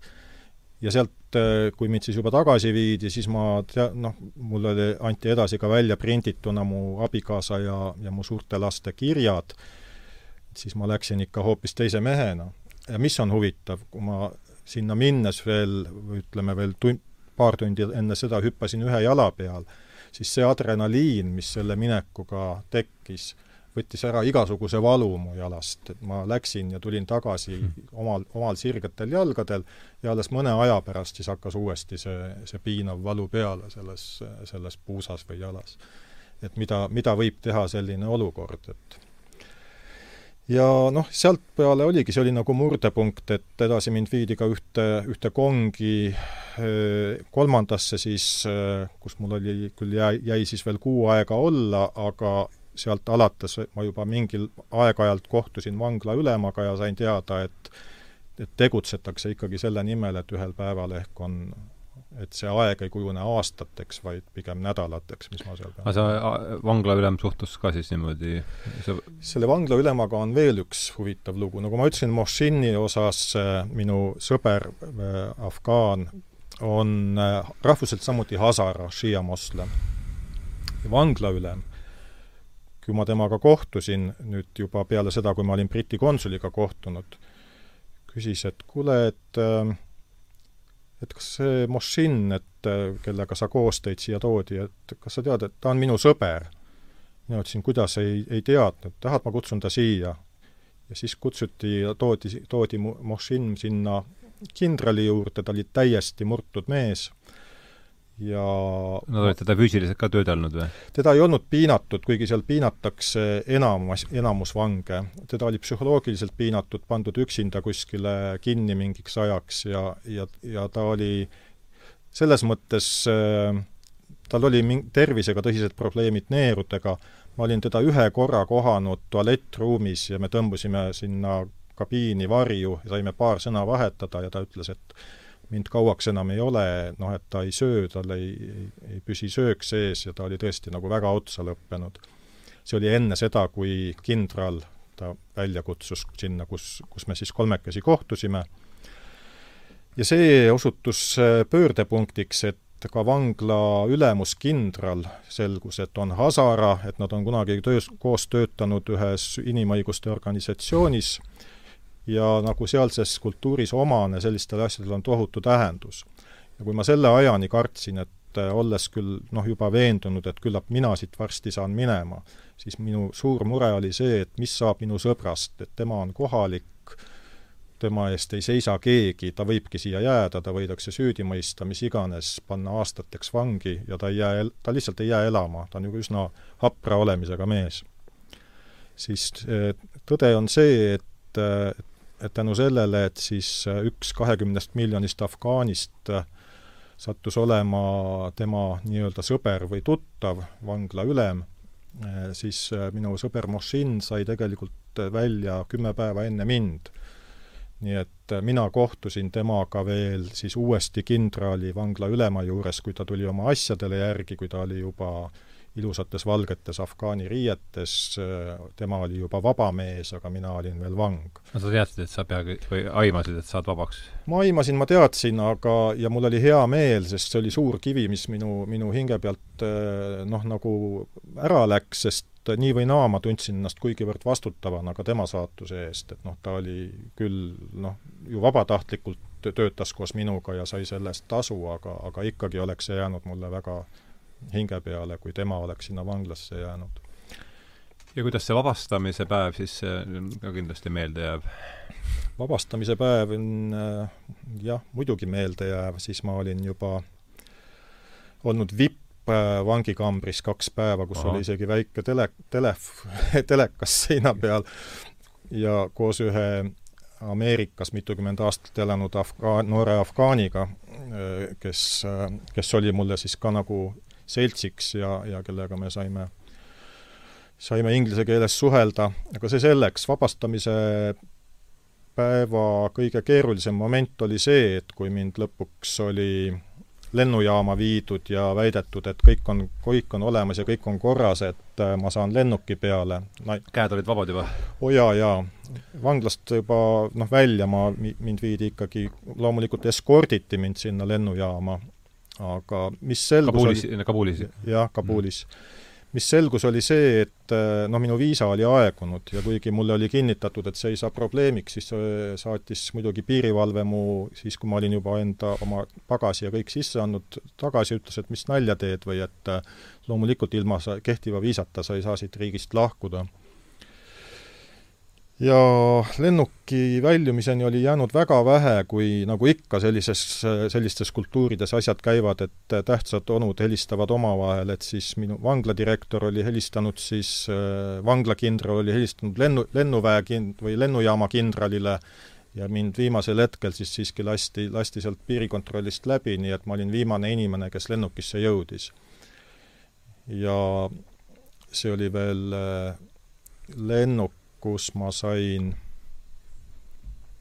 minu meelest äh, vipp, vippkoha, sest teised kohad olid kinni. lasin enda seal siis äh, selle mõnusa koha peal pikali ja heiud stjuardessid tõid mulle head ja paremat ja see, sel hetkel, kui lennuk tõesti õhku tõusis, siis ma tundsin, et ahah, nüüd vist on lootust koju jõuda. Istanbuli lendasid või kus sa lendasid? Äh, kõigepealt Dubaisse ja Dubaist is-, isla-, Istanbuli sealt siis Tallinna? jaa, Tallinna. aga noh, tegelikult oli, millega ka Välisministeerium muidugi tegelikult tegeles, ju teati, et mul ei ole kehtivat viisat ja kart-, mul oli hirm, et kui Dubais äh, kontrollitakse seda ja tekib küsimus, et kuidas ma Afganistanist sain lahkuda, et see võib tekitada seal jälle probleeme. et äh, aga, aga, aga ei tekkinud, ei tekkinud. kuni Tallinnani kedagi ei huvitanud see, kas mul on Afganistanist lahkumiseks kehtiv viisa või mitte mm. -hmm no nii, meil on siin kuskil poole tunniga peaks nüüd hakkama siis mõtlema, kuidas see jutuajamine kokku võtta, et kuidas et siin vist episoodide kaupa ei saa enam liikuda, et kui sa nüüd äh, Alar selle kogu selle Afganistani epis-, aga mul jäi üks, üks mõte või üks lause, mis sa mm, ütlesid ennist, jäi kõrva, et, et kui te sinna hospidali sattusite, et siis oli, et polnud mitte küsimus niivõrd, kuidas sõjategevusest eemal hoida, aga et teistest ajateenijatest, et ikka see see noorte ja vanade suhe käis ikka seal, ma järeldan sellest, et see kruttis seal all ikka edasi või? jah, nagu ma ennem ütlesin ka, et, et ei muutunud midagi. muutunud, jah. mõned inimesed, kes olid sellised äh, jületised, need äh, olid samasugused edasi ka, lihtsalt aga noh. ütle, see lahingutegevus ka kuidagi ei liitnud inimesi omavahel siis? no selge see, et sel hetkel, kui parajasti toimub mingisugune tulevahetus, siis nagu, siis nagu ju mõeldakse millegi muu peale, eks ole, aga, aga noh, jah. no näiteks mul on, mul on meeles niisugune nalj, poolnaljakas seik, et seesama enne seda Herati suvist lahingut äh, ja pärast seda, kui me olime siis äh, sealt hospidest tagasi tulnud, oli jälle üks Heratis, me käisime pidevalt Heratis seal mingeid väikseid äh, selliseid sutsakaid tegemas, seal mingeid reide, käisime uurimas seal luuramas ja oli selline olukord, seal Herati äärelinn on nagu meilgi, sellised väiksed põllulapid ka ja ja oli siis selline olukord, kus näiteks äh, liikusime seal äh, mingite aedade vahel, need aiad on kuskil seal rinnuni, niisugused mullast ehitatud ja siis keegi tulistab seal kuskil onju ja meil on vaja kuskil liikuda ühesõnaga ühest kohast teise ja ühel hetkel näed, et sa pead liikuma nagu avatud maastikul, eks ole, seal kuskil üle põllulapi onju. ja hetk, hetk tagasi olin ma näinud ühte, ühte granaatõunapuud, mis olid toored granaatõune täis. ja noh, meil olid need kuulivestid seljas, siuksed siin ees oli tasku. siuke ja siis ma toppisin sinna paar-kolm siukest granaatõune sinna taskusse, et noh, kuigi nad olid toored, aga meil ei olnud, meil oli null vitamiini seal toidu sees, et kõik käed mädanesid ja olid siuksed äh, vitamiini puuduses. ja siis äh, noh näiteks, ja siis me pidime sealt nüüd sealt üle, lageda maastiku siis liikuma oma rühmaga. ja õnneks oli see väike arõkk, niisugune umbes põlvekõrgune selline arõkk on mis asi? arõkk on väike kraav, niisugune niisutuskraav, see oli tühi sel hetkel ja see andis võimaluse meil sealt kraavist nagu poolenisti roomata või niimoodi sinna üle selle lageda maastiku, noh, meil oli nagu tuli peal seal ja siis ja siis eh, noh, kujutage ette olukorda, et sul on nagu selline soov nagu, nagu süüa see granaatõun, eks ole, ja sa ei tea, mida sa teha saad. ma tean, et kui ma sinna teisele poole jõuan, siis võetakse see mul ära, onju. sest et siis ma olen sellest ilma, noh, keegi minu omadest võtab selle ära, et ta tahab ise seda süüa. ja nüüd, et see, see hetk, kus ma nüüd seal siis nagu tule all olen, ma tean, et see on ainuke hetk, kus ma seda süüa saaksin. ja siis on see, et roomad seal niimoodi, nii, eh, noh, tulistamine on, aga see ei ole ohtlik, sest sa oled seal kraavis peidus ja siis ajad ennast vahepeal põlvede peale, et saaks nagu põlvede peal nagu kergemalt liikuda, eks ole, roomat on ju vastik nende mm -hmm. varustusega. aga põlvede peale ajades tagumik kerkib välja, keegi hakkab tulistama kõvasti. ja siis tekib nagu võimalus või tekib nagu õigustatud põhjus nagu seisma jääda see hetk, kui seisma jääd, võtad selle õuna käega kätki, hakkad seda sööma, onju. nii kui keegi tagant peksab jälle sulle automaadiga, et mine edasi, onju, et mis sa passid, eks ole, siin onju noh, selge, siis peab jälle edasi minema, jälle viis meetrit ja lähed ennast tagumikku püsti, saad jälle paar kuuli sinna enda suunas, eks ole, siis jälle on õigustatud põhjus seisma jääda, jälle sööma hakata, noh. näiteks sellised situatsioonid. päris kõnekas just, et seda võib-olla jah, et ma võib-olla sel hetkel ei mõelnud selle peale, eks ole, tagantjärgi mõtlesin, et jah, et, huvitav, et võtab kokku nüüd kogu täis sellest just, just. elust sealt. et sellised olukorrad. mul tuli üks, üks asi vahepeal meelde kui see oli veel enne, kui ma üldse olin Afganistani jõudnud, ma ükskord võtsin tee pealt peale ühe hääletaja, üks Eesti mees, noh, mis minuvanune mees võis olla, kes oli Afganistanis sõdinud ja seal haavata saanud, noh, nõu-, Nõukogude sõdurina muidugi. ja kui ta oli, oli Leningradi hospitalis olnud, siis kui ta hospitalist noh, terveks sai või tervemaks, siis talle oli öeldud, et ta võib koju tulla Eestisse ära, aga ta soovis minna tagasi, et tal oli see sõda pooleli jäänud, et ta tahtis minna tagasi, et äh, noh, nii-öelda sõdida, tappa, kätte maksta. mis selle inimese nimi oli? ma ei suuda praegu meenutada, aga ma saadan sulle selle nime. sel hetkel ta, ma viisin ta kuskil Läänemaal, võtsin peale, ta oli üks veerand tundi mul autos, aga selle ajaga, ilma et ma oleks noh, üldse midagi teadnud sellest, ta jõudis seda mulle rääkida. ja Ütle siis palun aasta veel, mul vist tähelepanu hajus, millal sa võtsid ta peale umbes? ma, ma võisin ta peale võtta aastal kaks tuhat kuus, mhm. sealkandis. ja siis ta, siis ta ütleski, et siis ta oligi, oligi läinud tagasi, et talle anti küll võimalus tulla Eestisse, aga et, et noh, et see see, see muster oli nii sees, et ta, ta pidi minema sinna, et kät-, nagu ta ütles, et kätte maksta. et kas sa kohtusid ka sellistega, kes noh, on, tundub see sulle nagu uskumatu võõras või, või mõistetav, see tema käitumine? ma saan rääkida ainult enda kogemusest, mitte millestki muust. ja kui see inimene rääkis eesti, puhtas eesti keeles, siis on mul seda väga raske uskuda, aga see selleks, mul on ka üks kogemus ühest heast sõbrast, kellega ma siis lahingpaar olin. tema jäi koolatõppe vahepeal ja seal ma, Afganistanis siis? aga seal kohapeal neid ei ravitud, need koolatõppe omad saadeti see Fergana orgu liitu. see on Usbekistanis, eks ole? vot ma võin no kusagil seal. jah, ühesõnaga jah, seal piiri ääres, see mm -hmm. Fergana org. ja siis seal noh, nad saati siis umbes kuu aja pärast tagasi sinna. ja temale sõitsid ka isa ema külla sinna, sinna Fergana orgu tal oli seal väga elu, ta oli seal ju pool aastat juba Afganistanis teeninud, ta oli selline nagu noh, tegija nii-öelda seal. ta oli ka nii-öelda vipp-staatuses seal.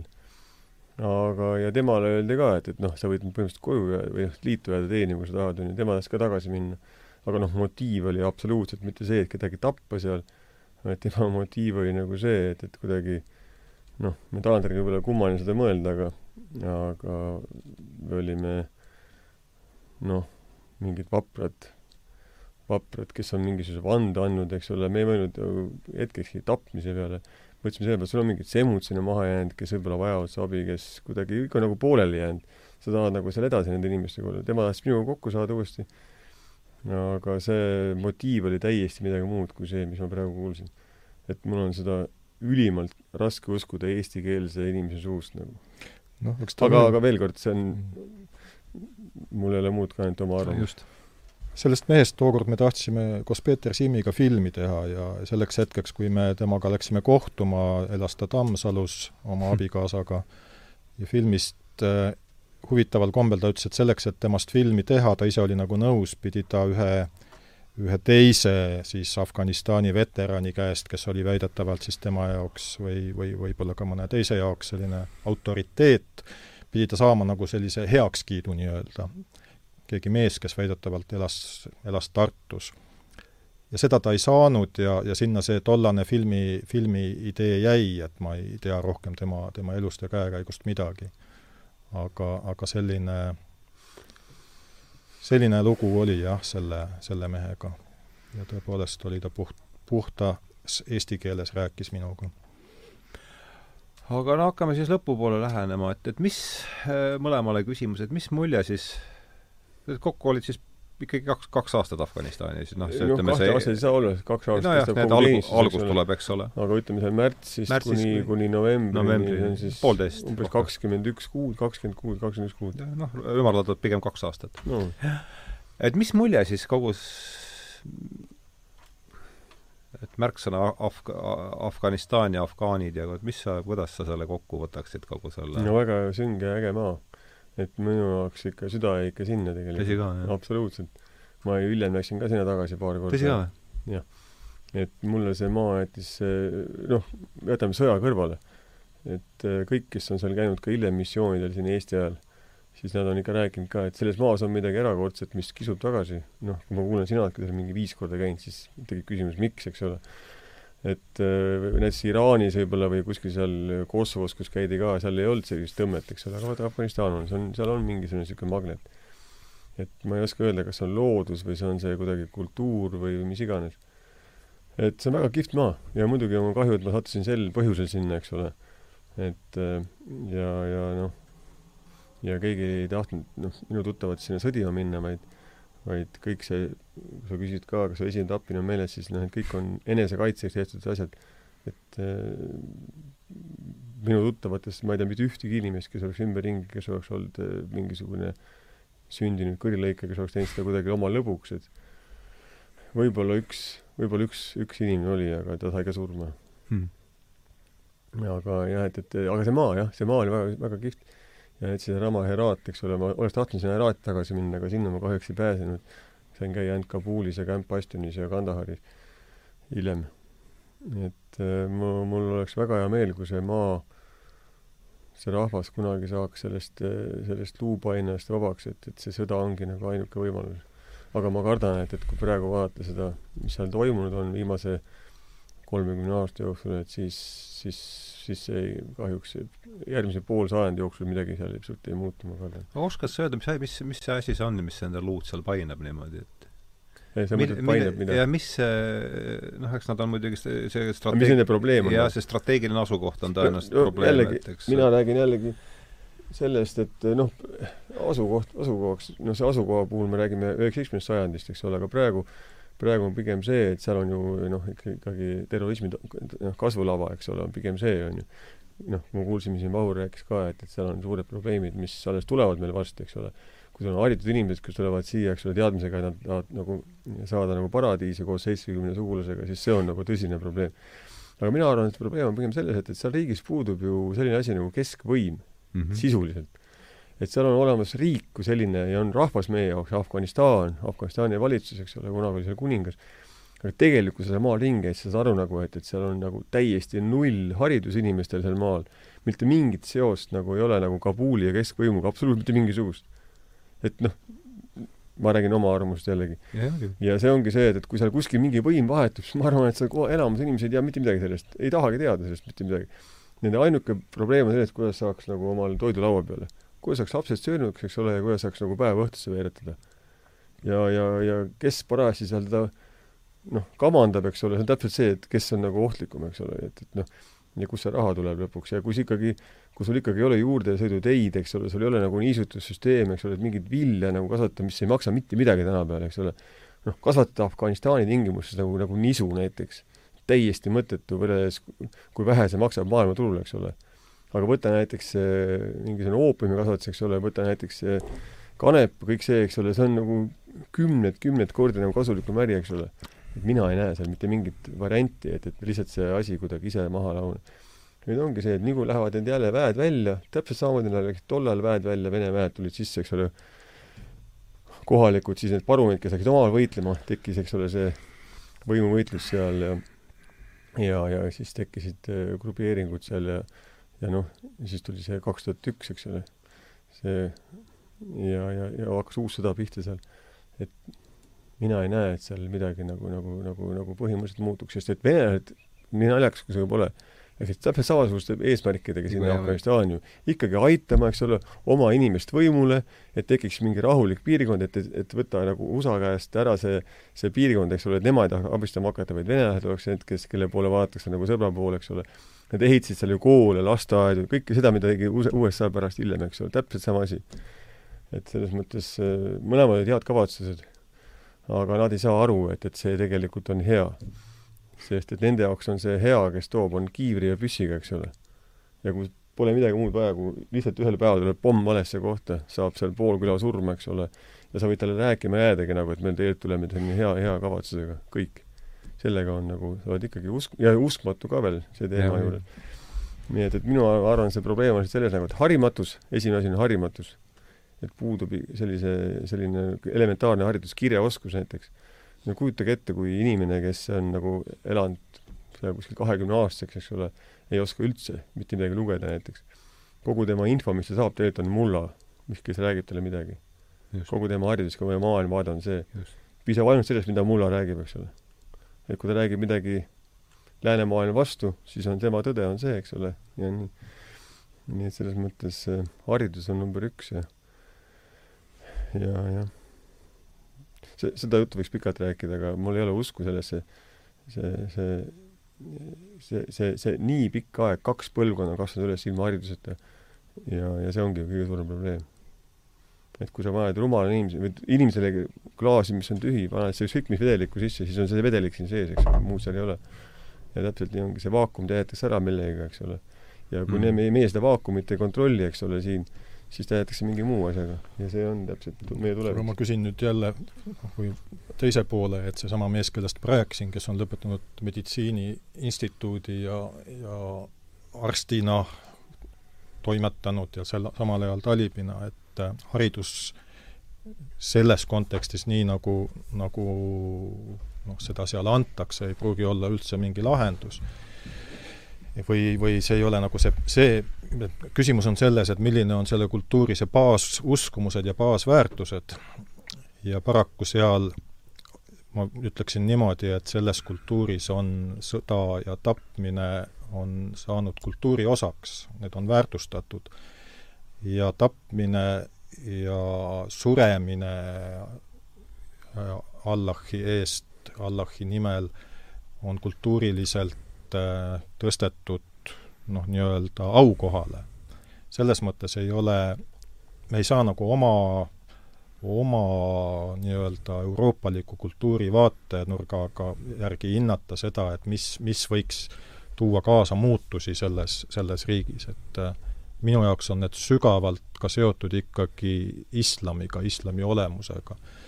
ja islami võib ikkagi sellisena, nagu ta praegu ennast ilmutab maailmas, pidada ikkagi tegelikult inimvaenulikuks ja inimvihkajalikuks ideoloogiaks.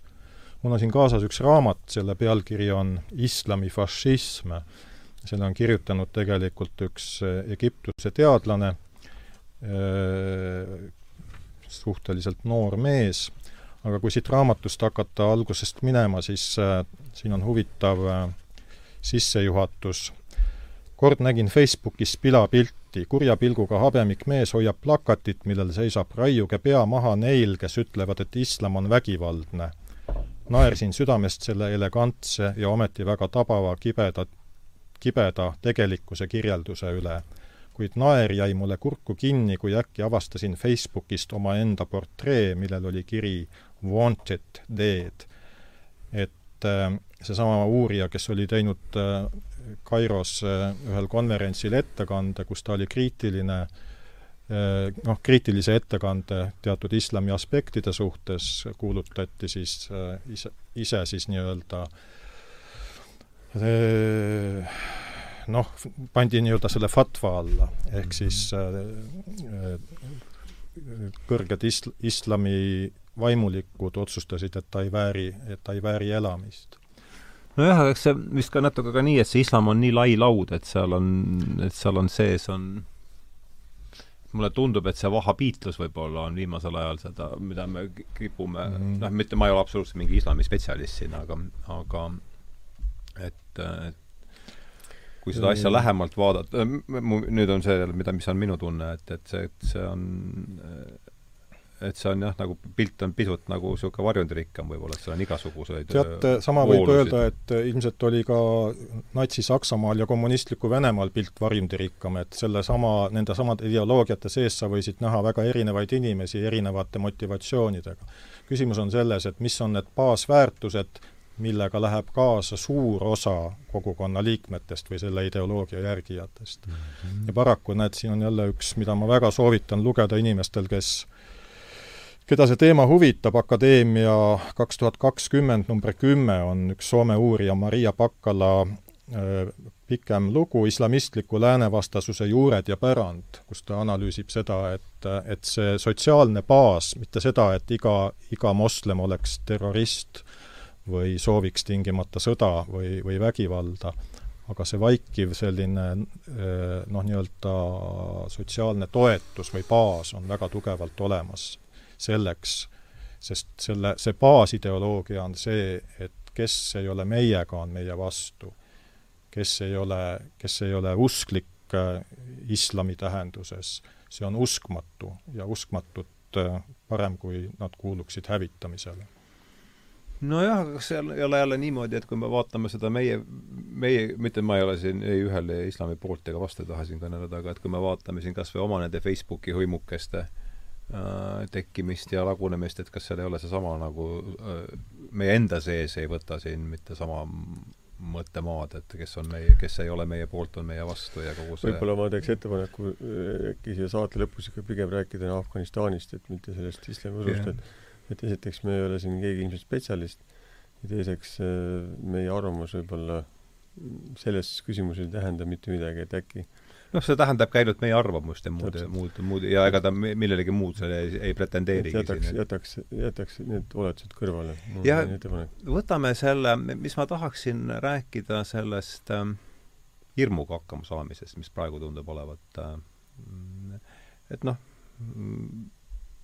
kaks aastat Afganistanis äh, tule all, et äh, hirm on tuttav mõiste, et kuidas sellega, kuidas sa said sellega seal hakkama, Vahur, kuidas sina said hakkama sellega vangis ja ja, ja noh, ma arvan, et see teema on siin nii kollektiivselt praegu nii üles kerkinud. ma kuulasin see... huviga Vahuri juttu sellest vangis olemist ja see oli minu jaoks ikka väga, väga põnev ja, ja väga hirmutav, sest et, sest et äh, vot hea küsimus, kuidas hirmuga hakkama saada ja minu meelest hirmuga hakkama saamiseks on, on noh, vähemalt kaks täiesti vastandlikku olukorda, eks ole, üks olukord on see, kus sa saad midagi teha ja teine olukord on see, kui sa midagi teha suurt ei saa. noh, sinul on see teine variant, eks ole, et kui sa oled juba vangis, on ju, siis sa tegelikult oled nagu noh, siis sa pigem noh, ootad eh, nagu jänes, eks ole, mis sinuga tehakse. Eh, minul õnneks sellist olukorda kunagi ei teinud, ei tekkinud, eks ole et mul oli alati mingi tegevusvõimalus ja see oli kas siis püss või kiired jalad, eks ole, või midagi sellist, on ju. et ja see on kaks täiesti erinevat nagu olukorda. Need ei saa üldse, minu arust üldse võrreldagi. ja ma ei taha isegi mõelda kõige halvemas unenäos ka, et, et ma oleks pidanud olema vangis kuskil, käed kinni seotud, eks ole, ja ja aetakse seina äärde nagu, et see noh, ma arvan, siis ma oleks ka hulluks läinud ilmselt, sest et kui sa ise mitte midagi teha ei saa et mina räägin ainult sellest, et kui, kuidas hirmuga toime tulla, kui sa oled ise nagu veel võimeline midagi tegema, eks ole, et siis ma annan selleks tuleb valmistuda kõigepealt. esimene asi on see, et kui me räägime noh, sõjalisest seisukorrast, ütleme siin riikide vahel, eks ole, siis tuleb näiteks tegeleda sellega, tuleb ette valmistada, tuleb riik ette valmistada, meil on Kaitseliit ja nii edasi, nii edasi, eks ole, võima-, võimalused siin, kui me räägime isiku tasandil, eks ole, siis samamoodi, et noh, et tuleb siis mingisuguseid oskusi arendada ja ja, ja, ja tuleb siis äh, tekitada olukordi, kus sul on alati valikuvõimalusi. et äh, Afganistanis samamoodi, et, et et kui äh, noh, hirm, noh näiteks hirmust rääkides, et kui juhtus selline olukord, kus ühel reidil helikopteritega lendasime ja me olime ühe karavani juba ära hävitanud ja lendasime tagasi oma baasi meil olid seal mingid mootorrattalad juba seal peale võetud kaasa nagu siis ja, ja, ja mingid raha, niisugused äh, kartulikotid rahaga, eks ole, et, et olid võetud nagu siis lahingusaagiks hmm.. ja sattusime teise karavani. dollarid? ei, kohalik raha. ja sattusime teise karavani peale. aga meil oli juba lahingu see padrunid olid praktiliselt otsakorral juba, me olime seal ühe karavani, ühe sõda, sõja juba ära pidanud ja meil polnud plaanis nagu teist karavani veel kui suure satsiga te peale lendasite sinna? kaks, kaks helikopterit, kokku mm -hmm. kuusteist inimest, mõlemas kaheksa inimest. see on klassikaline, tavaline mm, -hmm. kaks nagu jagu mm. -hmm. ja, ja, ja siis sattusime teise karavani peale, mina olin taga, kuulipildude taga, kuulipild on statiivi peal seal niisuguses augus nagu, hirmust rääkides. ja, ja kui me siis saime aru, et, et noh, et me tegi, hakkasime mingeid ringe tegema, et ju siis sattus meile millegi peale, onju. Keegi ei näinud midagi, need olid seal helikopteris sees nägudega vastamisi, lugesid raha seal siis mina nägin ainukesena, et seal on üks, üks äh, karavan, kes sõitis parajasti külla sisse ja üks, üks mees on maha hüpanud sealt, me olime umbes viieteist meetri kõrgusel maapinnast. ja see mees, kes maha hüppas, oli RPG seitsmega, see on see, millega lastakse tanke puruks. ja see oli maha hüpanud selle mõttega, et ta saab meile helikopteri alla. ja kui ma seda nägin, et ta nüüd võttis ja sihtis meid, umbes viieteist, ma ei tea, kümnekorrusese maja kõrguselt või natuke madalamalt ja siis ma püüdsin teda tulistada sealt selle helikopteri või selle kuulipilduja pealt, aga aga kuulipilduja oli sellise nurga all juba, et, et ma ei saanud enam lasta seda. ja vot siis, kui me hirmust räägime, see oli see hetk, kus ma enam midagi teha ei saanud. ma nägin, et ta tulistas, ma nägin sealt, see tolm käis sealt tagant välja, eks ole. ja vot siis oli see hetk, mis ma nüüd teen, onju. ma arvasin sel hetkel, et ma suudan ka veel midagi teha, ma tahtsin sealt august välja hüpata. ma ei mahtunud sa tahtsid lennu-, helikopterist no, välja hüpata? ma ei mõelnud selle peale, ma lihtsalt hüppasin, tahtsin välja hüpata, aga ma ei mahtunud, see jäi ette mulle kõik see asi seal see statiiv seal ja kõik see kuulipild. kui seda poleks olnud, sa oleks hüpanud? ma oleks juba läinud sealt, ega ma ei mõelnud siin, ma lihtsalt hüppasin. ja, ja täpselt samamoodi üks Tartu poiss jäi helikopteri alla ja sai surma, üks Aavo Kaiv oli ta nimi. mis mõttes jäi helikopteri alla, hüppas ka välja sealt nagu? no midagi sellist, jah. ma täpselt ei tea, aga ta oli kohe samamoodi helikopteriga kukkus ja sai surma. Ühesõnaga, ja siis vot see oli, koht, kus ma ei saanud midagi teha, eks ole. aga lasi mööda siis? aga ta lasi nagu meist üle ja kui see üleval kuskil õhus plahvatas, ta ajas selle helikopteri niimoodi kõikuma ja kukkus nagu alla küll, aga ta ei plahvatanud.